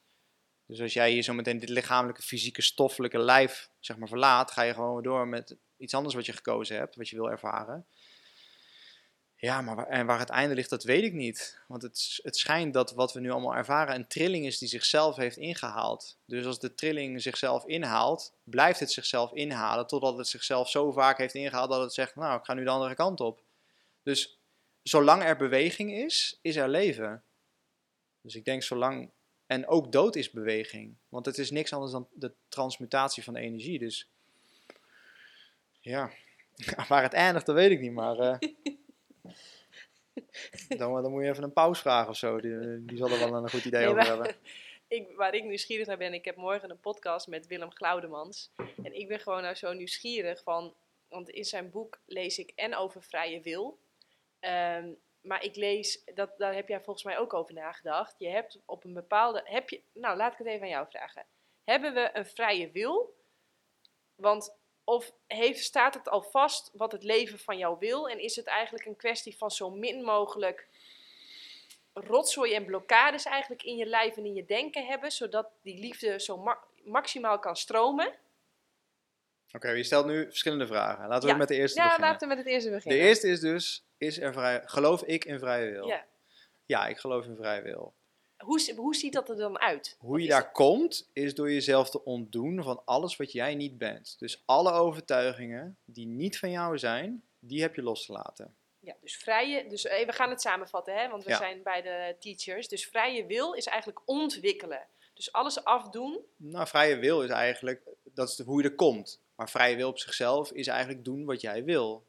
Ja, echt En- doen wat jij echt en, zelf wil. En, en hoe je daar komt, is door jezelf te ontdoen, dus te ontwikkelen van overtuigingen en illusies, eh, dogma's, ideeën van de maatschappij, van je familie, van andere mensen, je voorouders. Alles wat niet per se jouw idee is van de, Ja.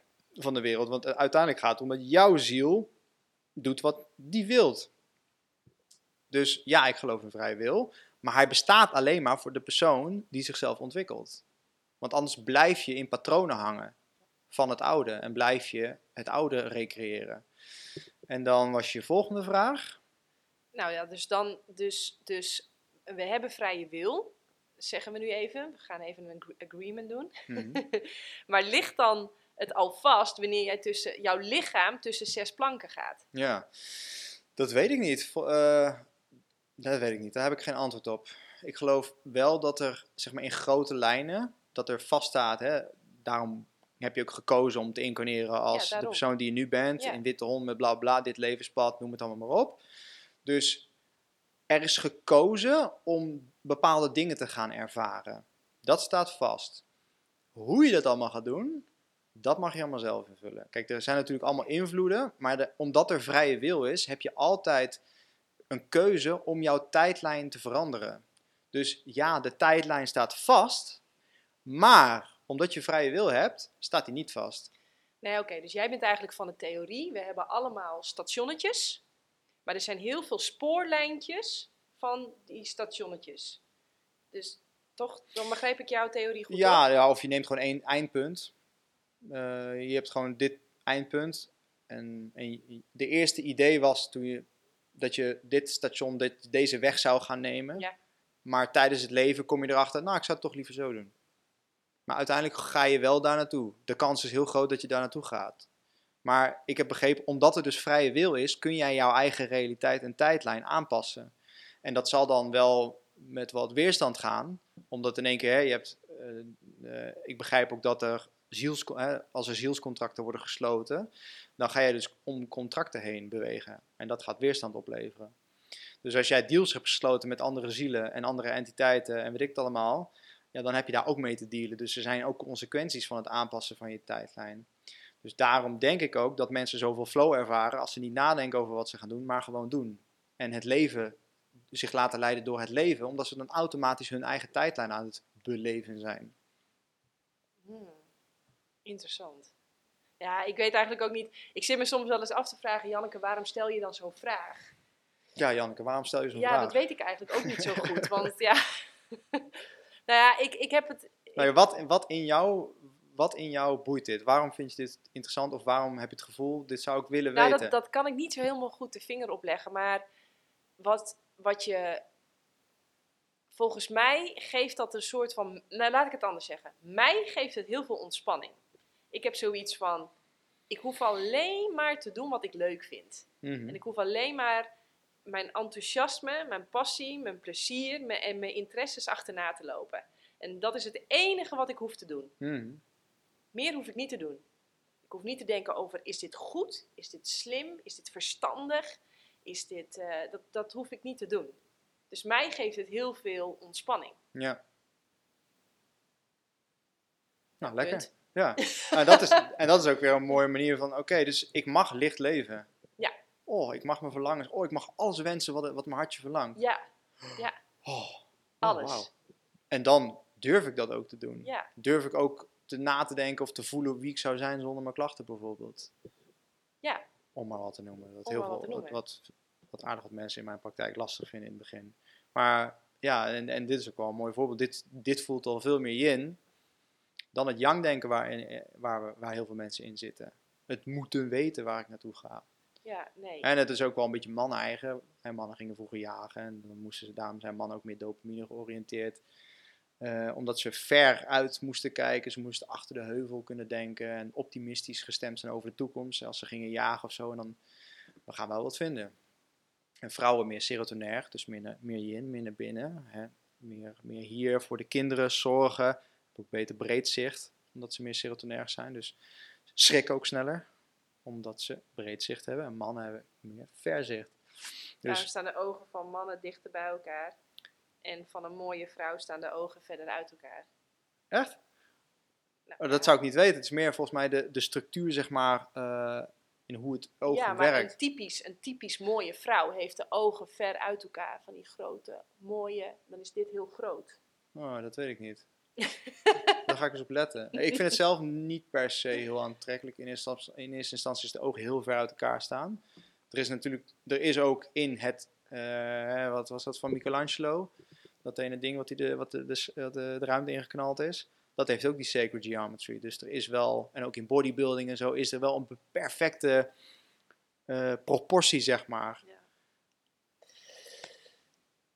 Dus ik ga eens kijken naar die ogen. Ja, ga er maar eens even lekker op letten. Ik zit eens eventjes te denken, hè. Hebben wij nou die handleiding van de mens? Hebben we die, als iemand nu met pen en papier heeft meegeschreven, en want dat gebeurt.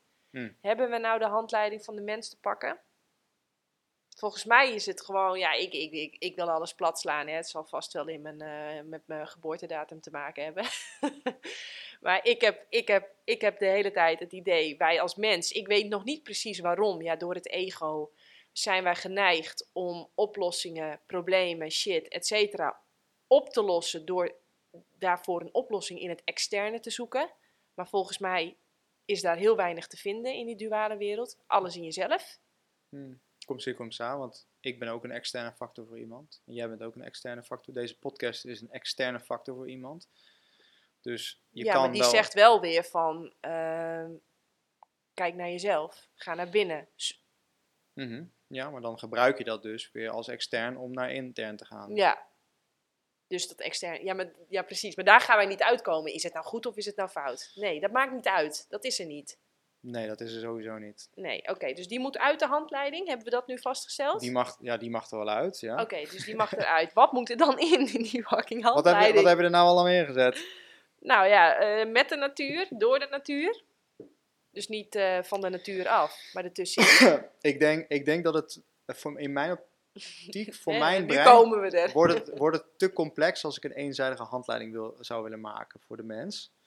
Ehm, tenminste, daar zou ik echt wat meer tijd voor moeten, na, voor, voor moeten vrijmaken. Ik heb dit letterlijk van jouw website. Until you meet the inside, the inside meets you on the outside. Ja, Dus dat geeft voor mij aan dat al jouw klachten ja, eigenlijk. krijg je in je buitenwereld gepresenteerd, Mhm. totdat jij ze aan de binnenkant gaat fixen. Gaat ervaren. Je, hoeft- Je, Ervaren. je hoeft niks te fixen, je, Nee. bent, je bent al heel. Ja, heel mooi. Ehm, Goeie, belangrijk. Dus ja, nou, dat, die mag sowieso bij de handleiding. Ehm, ja, ik denk als ik, als, ik, als ik nu een spoedje zou mogen hebben, dan gebruik ik alsnog weer iets externs. Namelijk plantmedicijn. Plantmedicijn heeft gewoon, eh, ja, heeft gewoon. Het is niet voor niets dat bijna alle onze medicijnen uit de Amazone komen, of een bestanddeel hebben uit de Amazone, of gesynthetiseerd zijn uit de Amazone. Zo ook plantmedicijnen. En het komt niet allemaal uit de Amazone. Eh, zo, de handleiding voor mens zijn. nou, Ik moet nu aan de Bijbel denken, aan de, de tien geboden. Daar zitten, ik, ik ken ze niet uit mijn hoofd, maar daar zitten ook goede, goede het, al die religies. Het is niet dat alles allemaal maar kommer en kwel is. Al die dingen hebben ook een lichtzijde. Ik vind het leuk om schaduwzijdes te laten zien aan mensen, maar alles heeft ook een lichtzijde. Dus ik, ja, ik denk dat de meest makkelijke voor de hand liggende is, is gewoon letterlijk kunnen zijn. Kun jij observeren van dat wat is. Dus kun jij gewoon waarnemen dat je dingen ervaart. Kun je waarnemen dat je liefde ervaart. Kun je waarnemen dat je pijn ervaart. Kun je waarnemen dat je gedachten ervaart. En zodra je denkt dat je de gedachte bent of het gevoel bent, ben je in de identificatie. En ben je dat nog veel groter aan het maken. En aan, aan, dan ben je vanuit die energie de volgende momenten van het leven aan het creëren. Dus ik denk de handleiding, de grootste handleiding is letterlijk het zen-boeddhisme. Ga maar gewoon lekker zijn met jezelf. de kracht van het nu. Als je letterlijk, ja, want dat is het ook. Als je met je mind weer aan de, als je mind haal gaat, je gaat weer denken aan de toekomst of het verleden, ben je niet meer in het nu. Ben je niet aan het zijn. Ja. Dus eh, Ik neem aan dat, eh, kijk, jij had het net over die mooie stappen die mensen bij jou doorlopen. Bij mij is non-stop Eckhart Tolle in je oren. Om je maar door de, ja, de kracht van het nu, in dat nu. Dus proberen dat oordeel van is het nou goed of is het nou fout? Is het nou mooi of is het nou lelijk? Is het nou het juiste moment of niet het juiste moment? Als je daar eigenlijk bovenuit kunt stijgen en kunt zien van, ah, het is precies en dan ga ik toch in het oordeel, maar precies goed zoals het nu is. Ook al doet het echt heel erg veel pijn, of heb ik nu heel erg veel verdriet, of ja. krampt het nu hier in mijn buik, of gaat mijn hart nu keihard tekeer. Mhm. Dat, eh, ja, inderdaad. Maar dat is het. Eigenlijk hoef je alleen maar ruimte te geven aan dat wat is. En je constant te beseffen dat jij de waarnemer bent. Ja, de keuze maken. Jij, nou ja, de- als we dat nog zelfs even loslaten. Je, bent, je je hoeft alleen maar waar te nemen. En als je, neemt, als je waarneemt van dat wat is, kan dat wat is er zijn. En als dat wat er is er mag zijn, mag jij er zijn. En als je dat laat zijn, dan is letterlijk de stilte, zeg maar, het gevolg. Mooi. Ja, dat, eh, als, als ik hem heel kort en krachtig zou moeten houden, dan, Dan dat. wordt dat hem, hè? ja. We hadden even nodig, maar ik, daar heb ik echt helemaal niks op aan te merken. Heel mooi ehm, gezegd. Wil jij nog iets zeggen over bijvoorbeeld je nieuwe show, je nieuwe product, je nieuwe training, je nieuwe... Mm, nou, Wil je nog iets zeggen? het is meer dat no- als mensen het boeiend vinden om, om, om hier meer over te leren, dan zou ik zeggen, oké, kom een keertje. eh, Ik heb voor eh, iets meer dan twee tientjes een online masterclass waarin ik mijn visie op gezondheid eh, deel en hoe conditionering is opgebouwd en hoe de maatschappij ons daarin heeft beïnvloed en hoe dat jouw gezondheid nu vandaag de dag invloedt. En dan verkoop ik je eigenlijk mijn oplossing en dat eh, die wil ik zoveel mogelijk mensen verkopen. Ehm, en dan, ja, ik zou zeggen, als je die ervaart, of kom eens een keertje een, een workshop of zo, of een dagretreat ervaren, dat zijn gewoon lekkere low-budget oplossingen. Maar dan kun je wel kennis maken, zeg maar, met deze filosofie en werkwijze. Ja, begin daar eens mee. nou, oké, helemaal goed. Eh, waar kunnen mensen jou vinden dan? Op www.matthijsvandoesburg.com, dubbel TH. Eh, je kan ook googlen de Zelfregie Podcast. Eh, Zelfregie. de Zelfregie Podcast. Ja. Ja, op YouTube, Instagram. En ja, eigenlijk dat zijn mijn twee dominante kanalen waar ik zit. De rest vind ik niet zo waanzinnig. Leuk. Heb jij nog prangende vragen? Ik heb geen prangende vragen meer. Ik, eh, ik, ehm, Wil je zelf nog iets kwijt? Heb jij nog een leuke show of, of product of zo wat je zou willen verkopen? Nee hoor. ja, ja, mijn, nee, ja. nee, mijn boeken. Maar eh, dat, eh, dat is altijd een leuk om mee te beginnen. Lees jij nog wel eens een boek? Zeker. Wat is, wat is, wat is, eh, goh, mag ik dan nog één vraag stellen? Je, Want je had het net al over, eh, die ik dus niet ken, maar ken je Paul Check niet? Nou, dan ben je gewoon per definitie bijna kansloos in het leven, hoorde ik net. maar goed, heb je wat, wat, zijn je, wat zijn je favoriete boeken? Ja, ja, nou ja, mijn favoriete boeken. eh, Die. hmm, Mind to Matter van Dawson Church vind ik een hele goeie. Die legt dus eigenlijk uit hoe. Die maakt het lekker interessant voor de westeling die alles met hoofddenken wilt verklaren. Hoe energie werkt en hoe. hoe eh, ja, dat bijvoorbeeld. Ik zat een keertje thuis, en zat mijn moeder had zo'n telcel ding gekocht, waar je dan groentes mee kan snijden. En had ze per ongeluk stuk van de vinger meegesneden. En toen zat ik op mijn kamer, toen voelde ik echt pijnscheut. Toen ben ik gelijk naar de huiskamer gerend, toen was, had mijn moeder dat dus ervaren. Dus allemaal van dat soort kwantumlijntjes, zeg maar. Hoe, eh, hoe yogis hun hartslag op vier verschillende plaatsen een, eh, een verschillende pols kunnen eh, laten ophouden. Allemaal van dat soort dingen worden in dat boek beschreven. Dus, en waarom was het voor jou een life changer? hmm, Nou, omdat ik toen nog heel erg in mijn hoofd zat. Oh, oké. Dus dit is echt een, een boek voor mensen die ervaren van... Die, die eigenlijk de, wetens, de wetenschap achter kwantumfysica willen begrijpen. En de link van kwantumfysica en gezondheid. Op, op, met allemaal leuke praktische voorbeelden. Ja, hoe de double slit experiment werkt met lichtfotonen en dat soort taferelen. Dat materie er niet is als er geen waarnemer is. Allemaal van dat soort taferelen, zeg maar. en voor de rest, ik geef al mijn cliënten en de nieuwe deelnemers van, mij, van de Academy in 2023. Dus als ik dan iets moet kopen in 2023, start ik een nieuw studiejaar. Waarin ik dus mensen door dit hele traject heen lood, zeg maar. Met alle toeters en bellen en andere experts. Mensen krijgen dan het boek eh, van Paul Check. How to Eat, Move and Be Healthy. Als er een gezondheidsbijbel is, is dat hem. Ik How to... to Eat, Move and Be Healthy. Dit is echt de, de holistische gezondheidscode.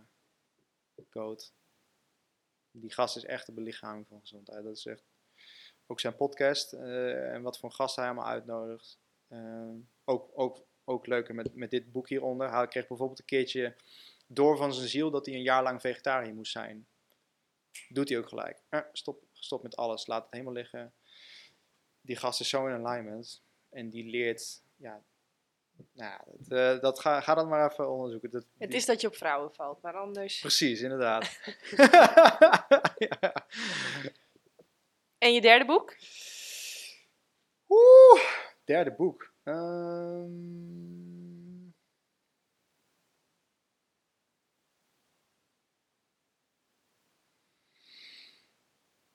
Ja, Leven zonder angst van Alexander Lewin. Dat gaat Waarom is het? helemaal over. Alexander Leuwen is een van de grootmakers van lichaamsgerichte therapie. Dus daarin leer je hoe de complexen van vader-moederstukken, zeg maar, doorcijpelen in klachten. Eh, en hoe hij die complexen eh, heeft weten te ontleden. Dus hij heeft allemaal casussen van patiënten, zeg maar. Ja, dat, dat is eh, is echt fascinerend.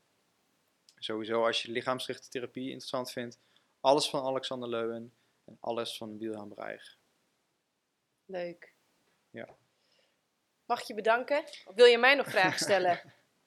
Nu je, nu je Eh. mijn geboortedatum en zo weet. En...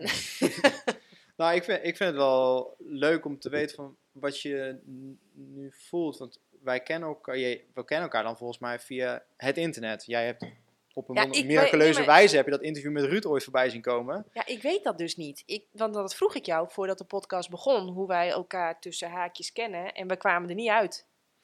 Nee, ja, ik we weet, kwamen er niet uit. ik weet dat jij ooit, toen heb jij een paar snippets ge- gedeeld van dat interview met Ruud. Ja, die vond ik Eh, echt heel gaaf. En, ehm, en daarna ben ik je tegengekomen toen bij Lena, Lena Omrani. toen haar boek, bij haar boeklancering. Ja.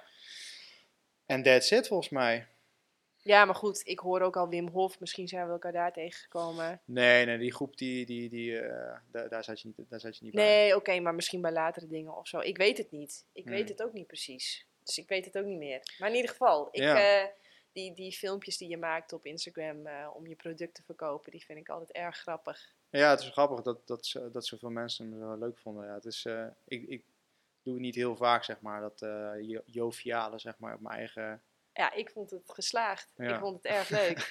ja, dat, Dus, Nou, eh, blijkbaar maar wat was nou jouw vraag? Nee, ja, ik was gewoon... Oh ja, de vraag was dus van... ehm, wat was jouw gevoel na aanloop eh, over mij? En wat is nu jouw gevoel over mij? Eh, maar dat doet er toch niet toe? Nou, Ah, nou, maar ik, ik ben wel benieuwd. oké. Oh, Ik, ik spiegel natuurlijk mezelf, daarom stel ik de vraag nu aan jou. oh. Ehm, ik, goh, jeetje. Ik, maar ik ben dan helemaal blanco, hè? Daarom Ja? ga ik toch hier ook met jou zitten. En dan denk ik gewoon, nou, we gaan het wel zien en het gaat komen. Nou, leuk. Ja, Ik vond het leuk Dat we. antwoord. Ik vond het direct leuk dat we een team waren en dat we samen ingebroken hebben. En dat dat gewoon. Dat ging gewoon direct soepel. Dat vind ik leuk. En ehm, dat vind ik leuk. En ik, ik, eh, ik heb ook heel impulsief gereageerd. Ik zag dat filmpje en ik moest lachen. Ik dacht, dit is echt best wel gaaf wat je doet. Dat je mensen echt, zeg maar, leert dat die fysieke klacht, dat dat echt een kans voor ze is. Dat die je echt gaat, wat gaat vertellen, wat gaat leren, wat gaat brengen. Mhm. dus daar bij je grootste angst of daar bij je vervelendste klacht ligt je grootste schat. Ja. Zo, zo interpreteer ik dat dan als ik dan die filmpjes kijk. Mhm. Ja, dat vind ik gaaf. En wat ik ook, ik heb ook het idee, is dat dan, is dat dan sowieso een weg die we hier heel vaak op aarde bewandelen? Dat je hebt, want ik herken het heel erg. Ik had ook allemaal troubles en problemen en struggles. En die kon ik door de verzekering gefaciliteerde oplossingen niet oplossen. Dus Mhm. toen ben ik van dat pad afgestapt, ben ik echt zelf gaan investeren, inderdaad, zelf gaan betalen. Ja, dat is wel echt belangrijk. En, ehm, en toen ontdekte ik allemaal dingen waarvan ik dacht: wow, dit is zo gaaf. Dit moeten we eigenlijk op school leren. En zo heb ik precies als wat jij hebt gedaan, dus vandaar, ja, die herken ik ook, heb ik helemaal mijn eigen methode ontwikkeld. Mhm. En dus iedere keer als ik jou hoor vertellen, dan denk ik: oh, grappig, oh ja, dat heb ik ook helemaal zo. Oh, Mm. grappig, dat heb ik ook helemaal zo zelf bedacht. Ja. En, en, en letterlijk alles zelf bedacht. Dus dat vind ik, dat vind ik eh, leuk. Dus ik dacht, ja, het is herkenning. En ehm, ja, en, en, en ik, ik vind het gewoon heel gaaf om mensen een podium te geven die gewoon mooie dingen doen. En eh, ja, dus toen had ik je een berichtje gestuurd en jij reageerde. Nou, hartstikke leuk, toch? Ja, zeker. ja, ja. ja, het is ook lekker dat gewoon allemaal zo spontaan en dan, dan, dan rolt het ook gewoon lekker. Ik had wel trouwens echt, ik voelde me fucking beroerd eh, vanochtend. Ik had gisteren, omdat er nu in aanloop is er een, eh, een Wachuma ceremonie. Dat is cactus. Dat is Wachuma betekent letterlijk wa uit, chuma hoofd. Dus het heel erg lichaamsgericht. Eh, dus stel je voor, je voelt dan bijvoorbeeld eh, iets in je darm of zo. Je hebt moeite om dingen los te laten. Die mensen ervaren ook vaak darmklachten. Dan laat het medicijn je bijvoorbeeld even, eh, even een paar uur even voelen dat jij daar moeite mee hebt, zeg maar, op een speelse wijze. Van, Oh, dit ben je oké. lekker zelf aan het creëren. Geniet ervan. Geniet van jezelf. en, ehm, eh, En het werd, er werd ook iets aan jou gepresenteerd. nou, in, in aanloop na zo'n ceremonie, van het moment dat jij ja zegt, begint Ja. de ceremonie. Ja. Dus dan, komen, dan worden de patronen nog duidelijker. Dus gisteren met mijn vriendin werd er echt iets, echt iets, eh, iets heel groots geraakt in mij. Wat ik echt al heel lang, wat vroeger heel normaal was voor mij, waarin ik echt helemaal blanco ging, dissocieerde, zeg maar. En ehm, vanochtend voelde ik me dus echt, echt, echt gewoon heel beroerd. Ik, ik, had een rapé genomen, ik lag helemaal voor pampers in de auto. Jezus mina, hoe ga ik dat zo meteen doen van het gesprek? Ja, toen heb ik even om, eh, om energie gevraagd van het universum. En toen eh, een theetje bij de Harbor Club gedronken. En toen ging die wel weer. Toen kon ik hier inbreken. En, eh, Ja, Toen was je nou, helemaal ik in je helemaal element, hè? element, ja. Ja, ik ook. Ik heb vroeger ook heel veel ingebroken. Dus ik was, ik was ook zo blij dat ik die sleutel kwijt was. Ik dacht, oh, dit is even een kansje weer. Het is wel een leuk om je Maar er- podcastgast even uit te dagen. Kijken, kijken hoe het botert, zeg maar. Ja, en of we de tijd kunnen breken, want het was echt, we waren zo binnen. Ja, Daar kan ik wel weer van genieten. Denk ik, oh, Ja, het ja. zit er nog wel in. ja precies, ja. Nou ja, en je, en je, je setup staat ook klaar voor morgen voor eh, Willem, toch? Die, eh, Ja, maar ik ga naar Willem toe. Oh, je gaat er naartoe. Ja. Nou, leuk. Ja, ik, eh, ik heb goede dingen over hem gehoord. Dus, maar dat was dus je vraag. Geen vragen. nou, dat was hem dan, ja. Super. Gaan we hem afsluiten? Heel erg bedankt voor het kijken. Superleuk. Vind je dit gaaf? Deel het volop op je social media of stuur het door naar je vrienden, familie. Uh, je mag ook financieel supporten door naar jannekevandermeulen.nl te gaan. Daar vind je de knop doneren. Dat is ook de enige plek waar je het boek De Eiwitleugen kunt bestellen. En dan uh, zou ik zeggen, ik wilde bijna deze hand om opsteken, maar ik heb geroeid met andere riemen, dus die liggen helemaal open. Oh, die ook. Nou, het ziet er niet uit, jongens. Doei, bedankt voor het kijken en uh, tot snel. Dag! Lekker man. Nou, dat was hem. Leuk. Ik vond het een interessant gesprek. Uh, uh, het lijkt net alsof het, net als met die kabel, soms had hij bereik en soms had hij even geen bereik. En dan ging mm. woem, woem, woem. Ik vond het interessant. Ja? Zou je eigenlijk wel meer plantaardig willen eten, maar heb je geen idee hoe je dat op een gezonde, verantwoorde manier voor jezelf en je gezin doet? Lees dan het boek De Eiwitleugen. Mijn naam is Janneke van der Meulen en in 2018 en 2022 werd ik wereldkampioen kustroeien. In 2021 werd ik na een energieke zwangerschap en soepele bevalling moeder van onze dochter. Alles op een dieet van fruit en planten. Kijk, je kunt nog zoveel diploma's hebben, geluk, talent, connecties, geld. Maar energie is uiteindelijk wat het verschil maakt voor resultaat. In het boek De Eiwitleugen deel ik daarom alleen maar de allerbeste wetenschap voor optimale gezondheid, fysiek en mentaal. Dus bestel het boek nu via jannekevandermeulen.nl.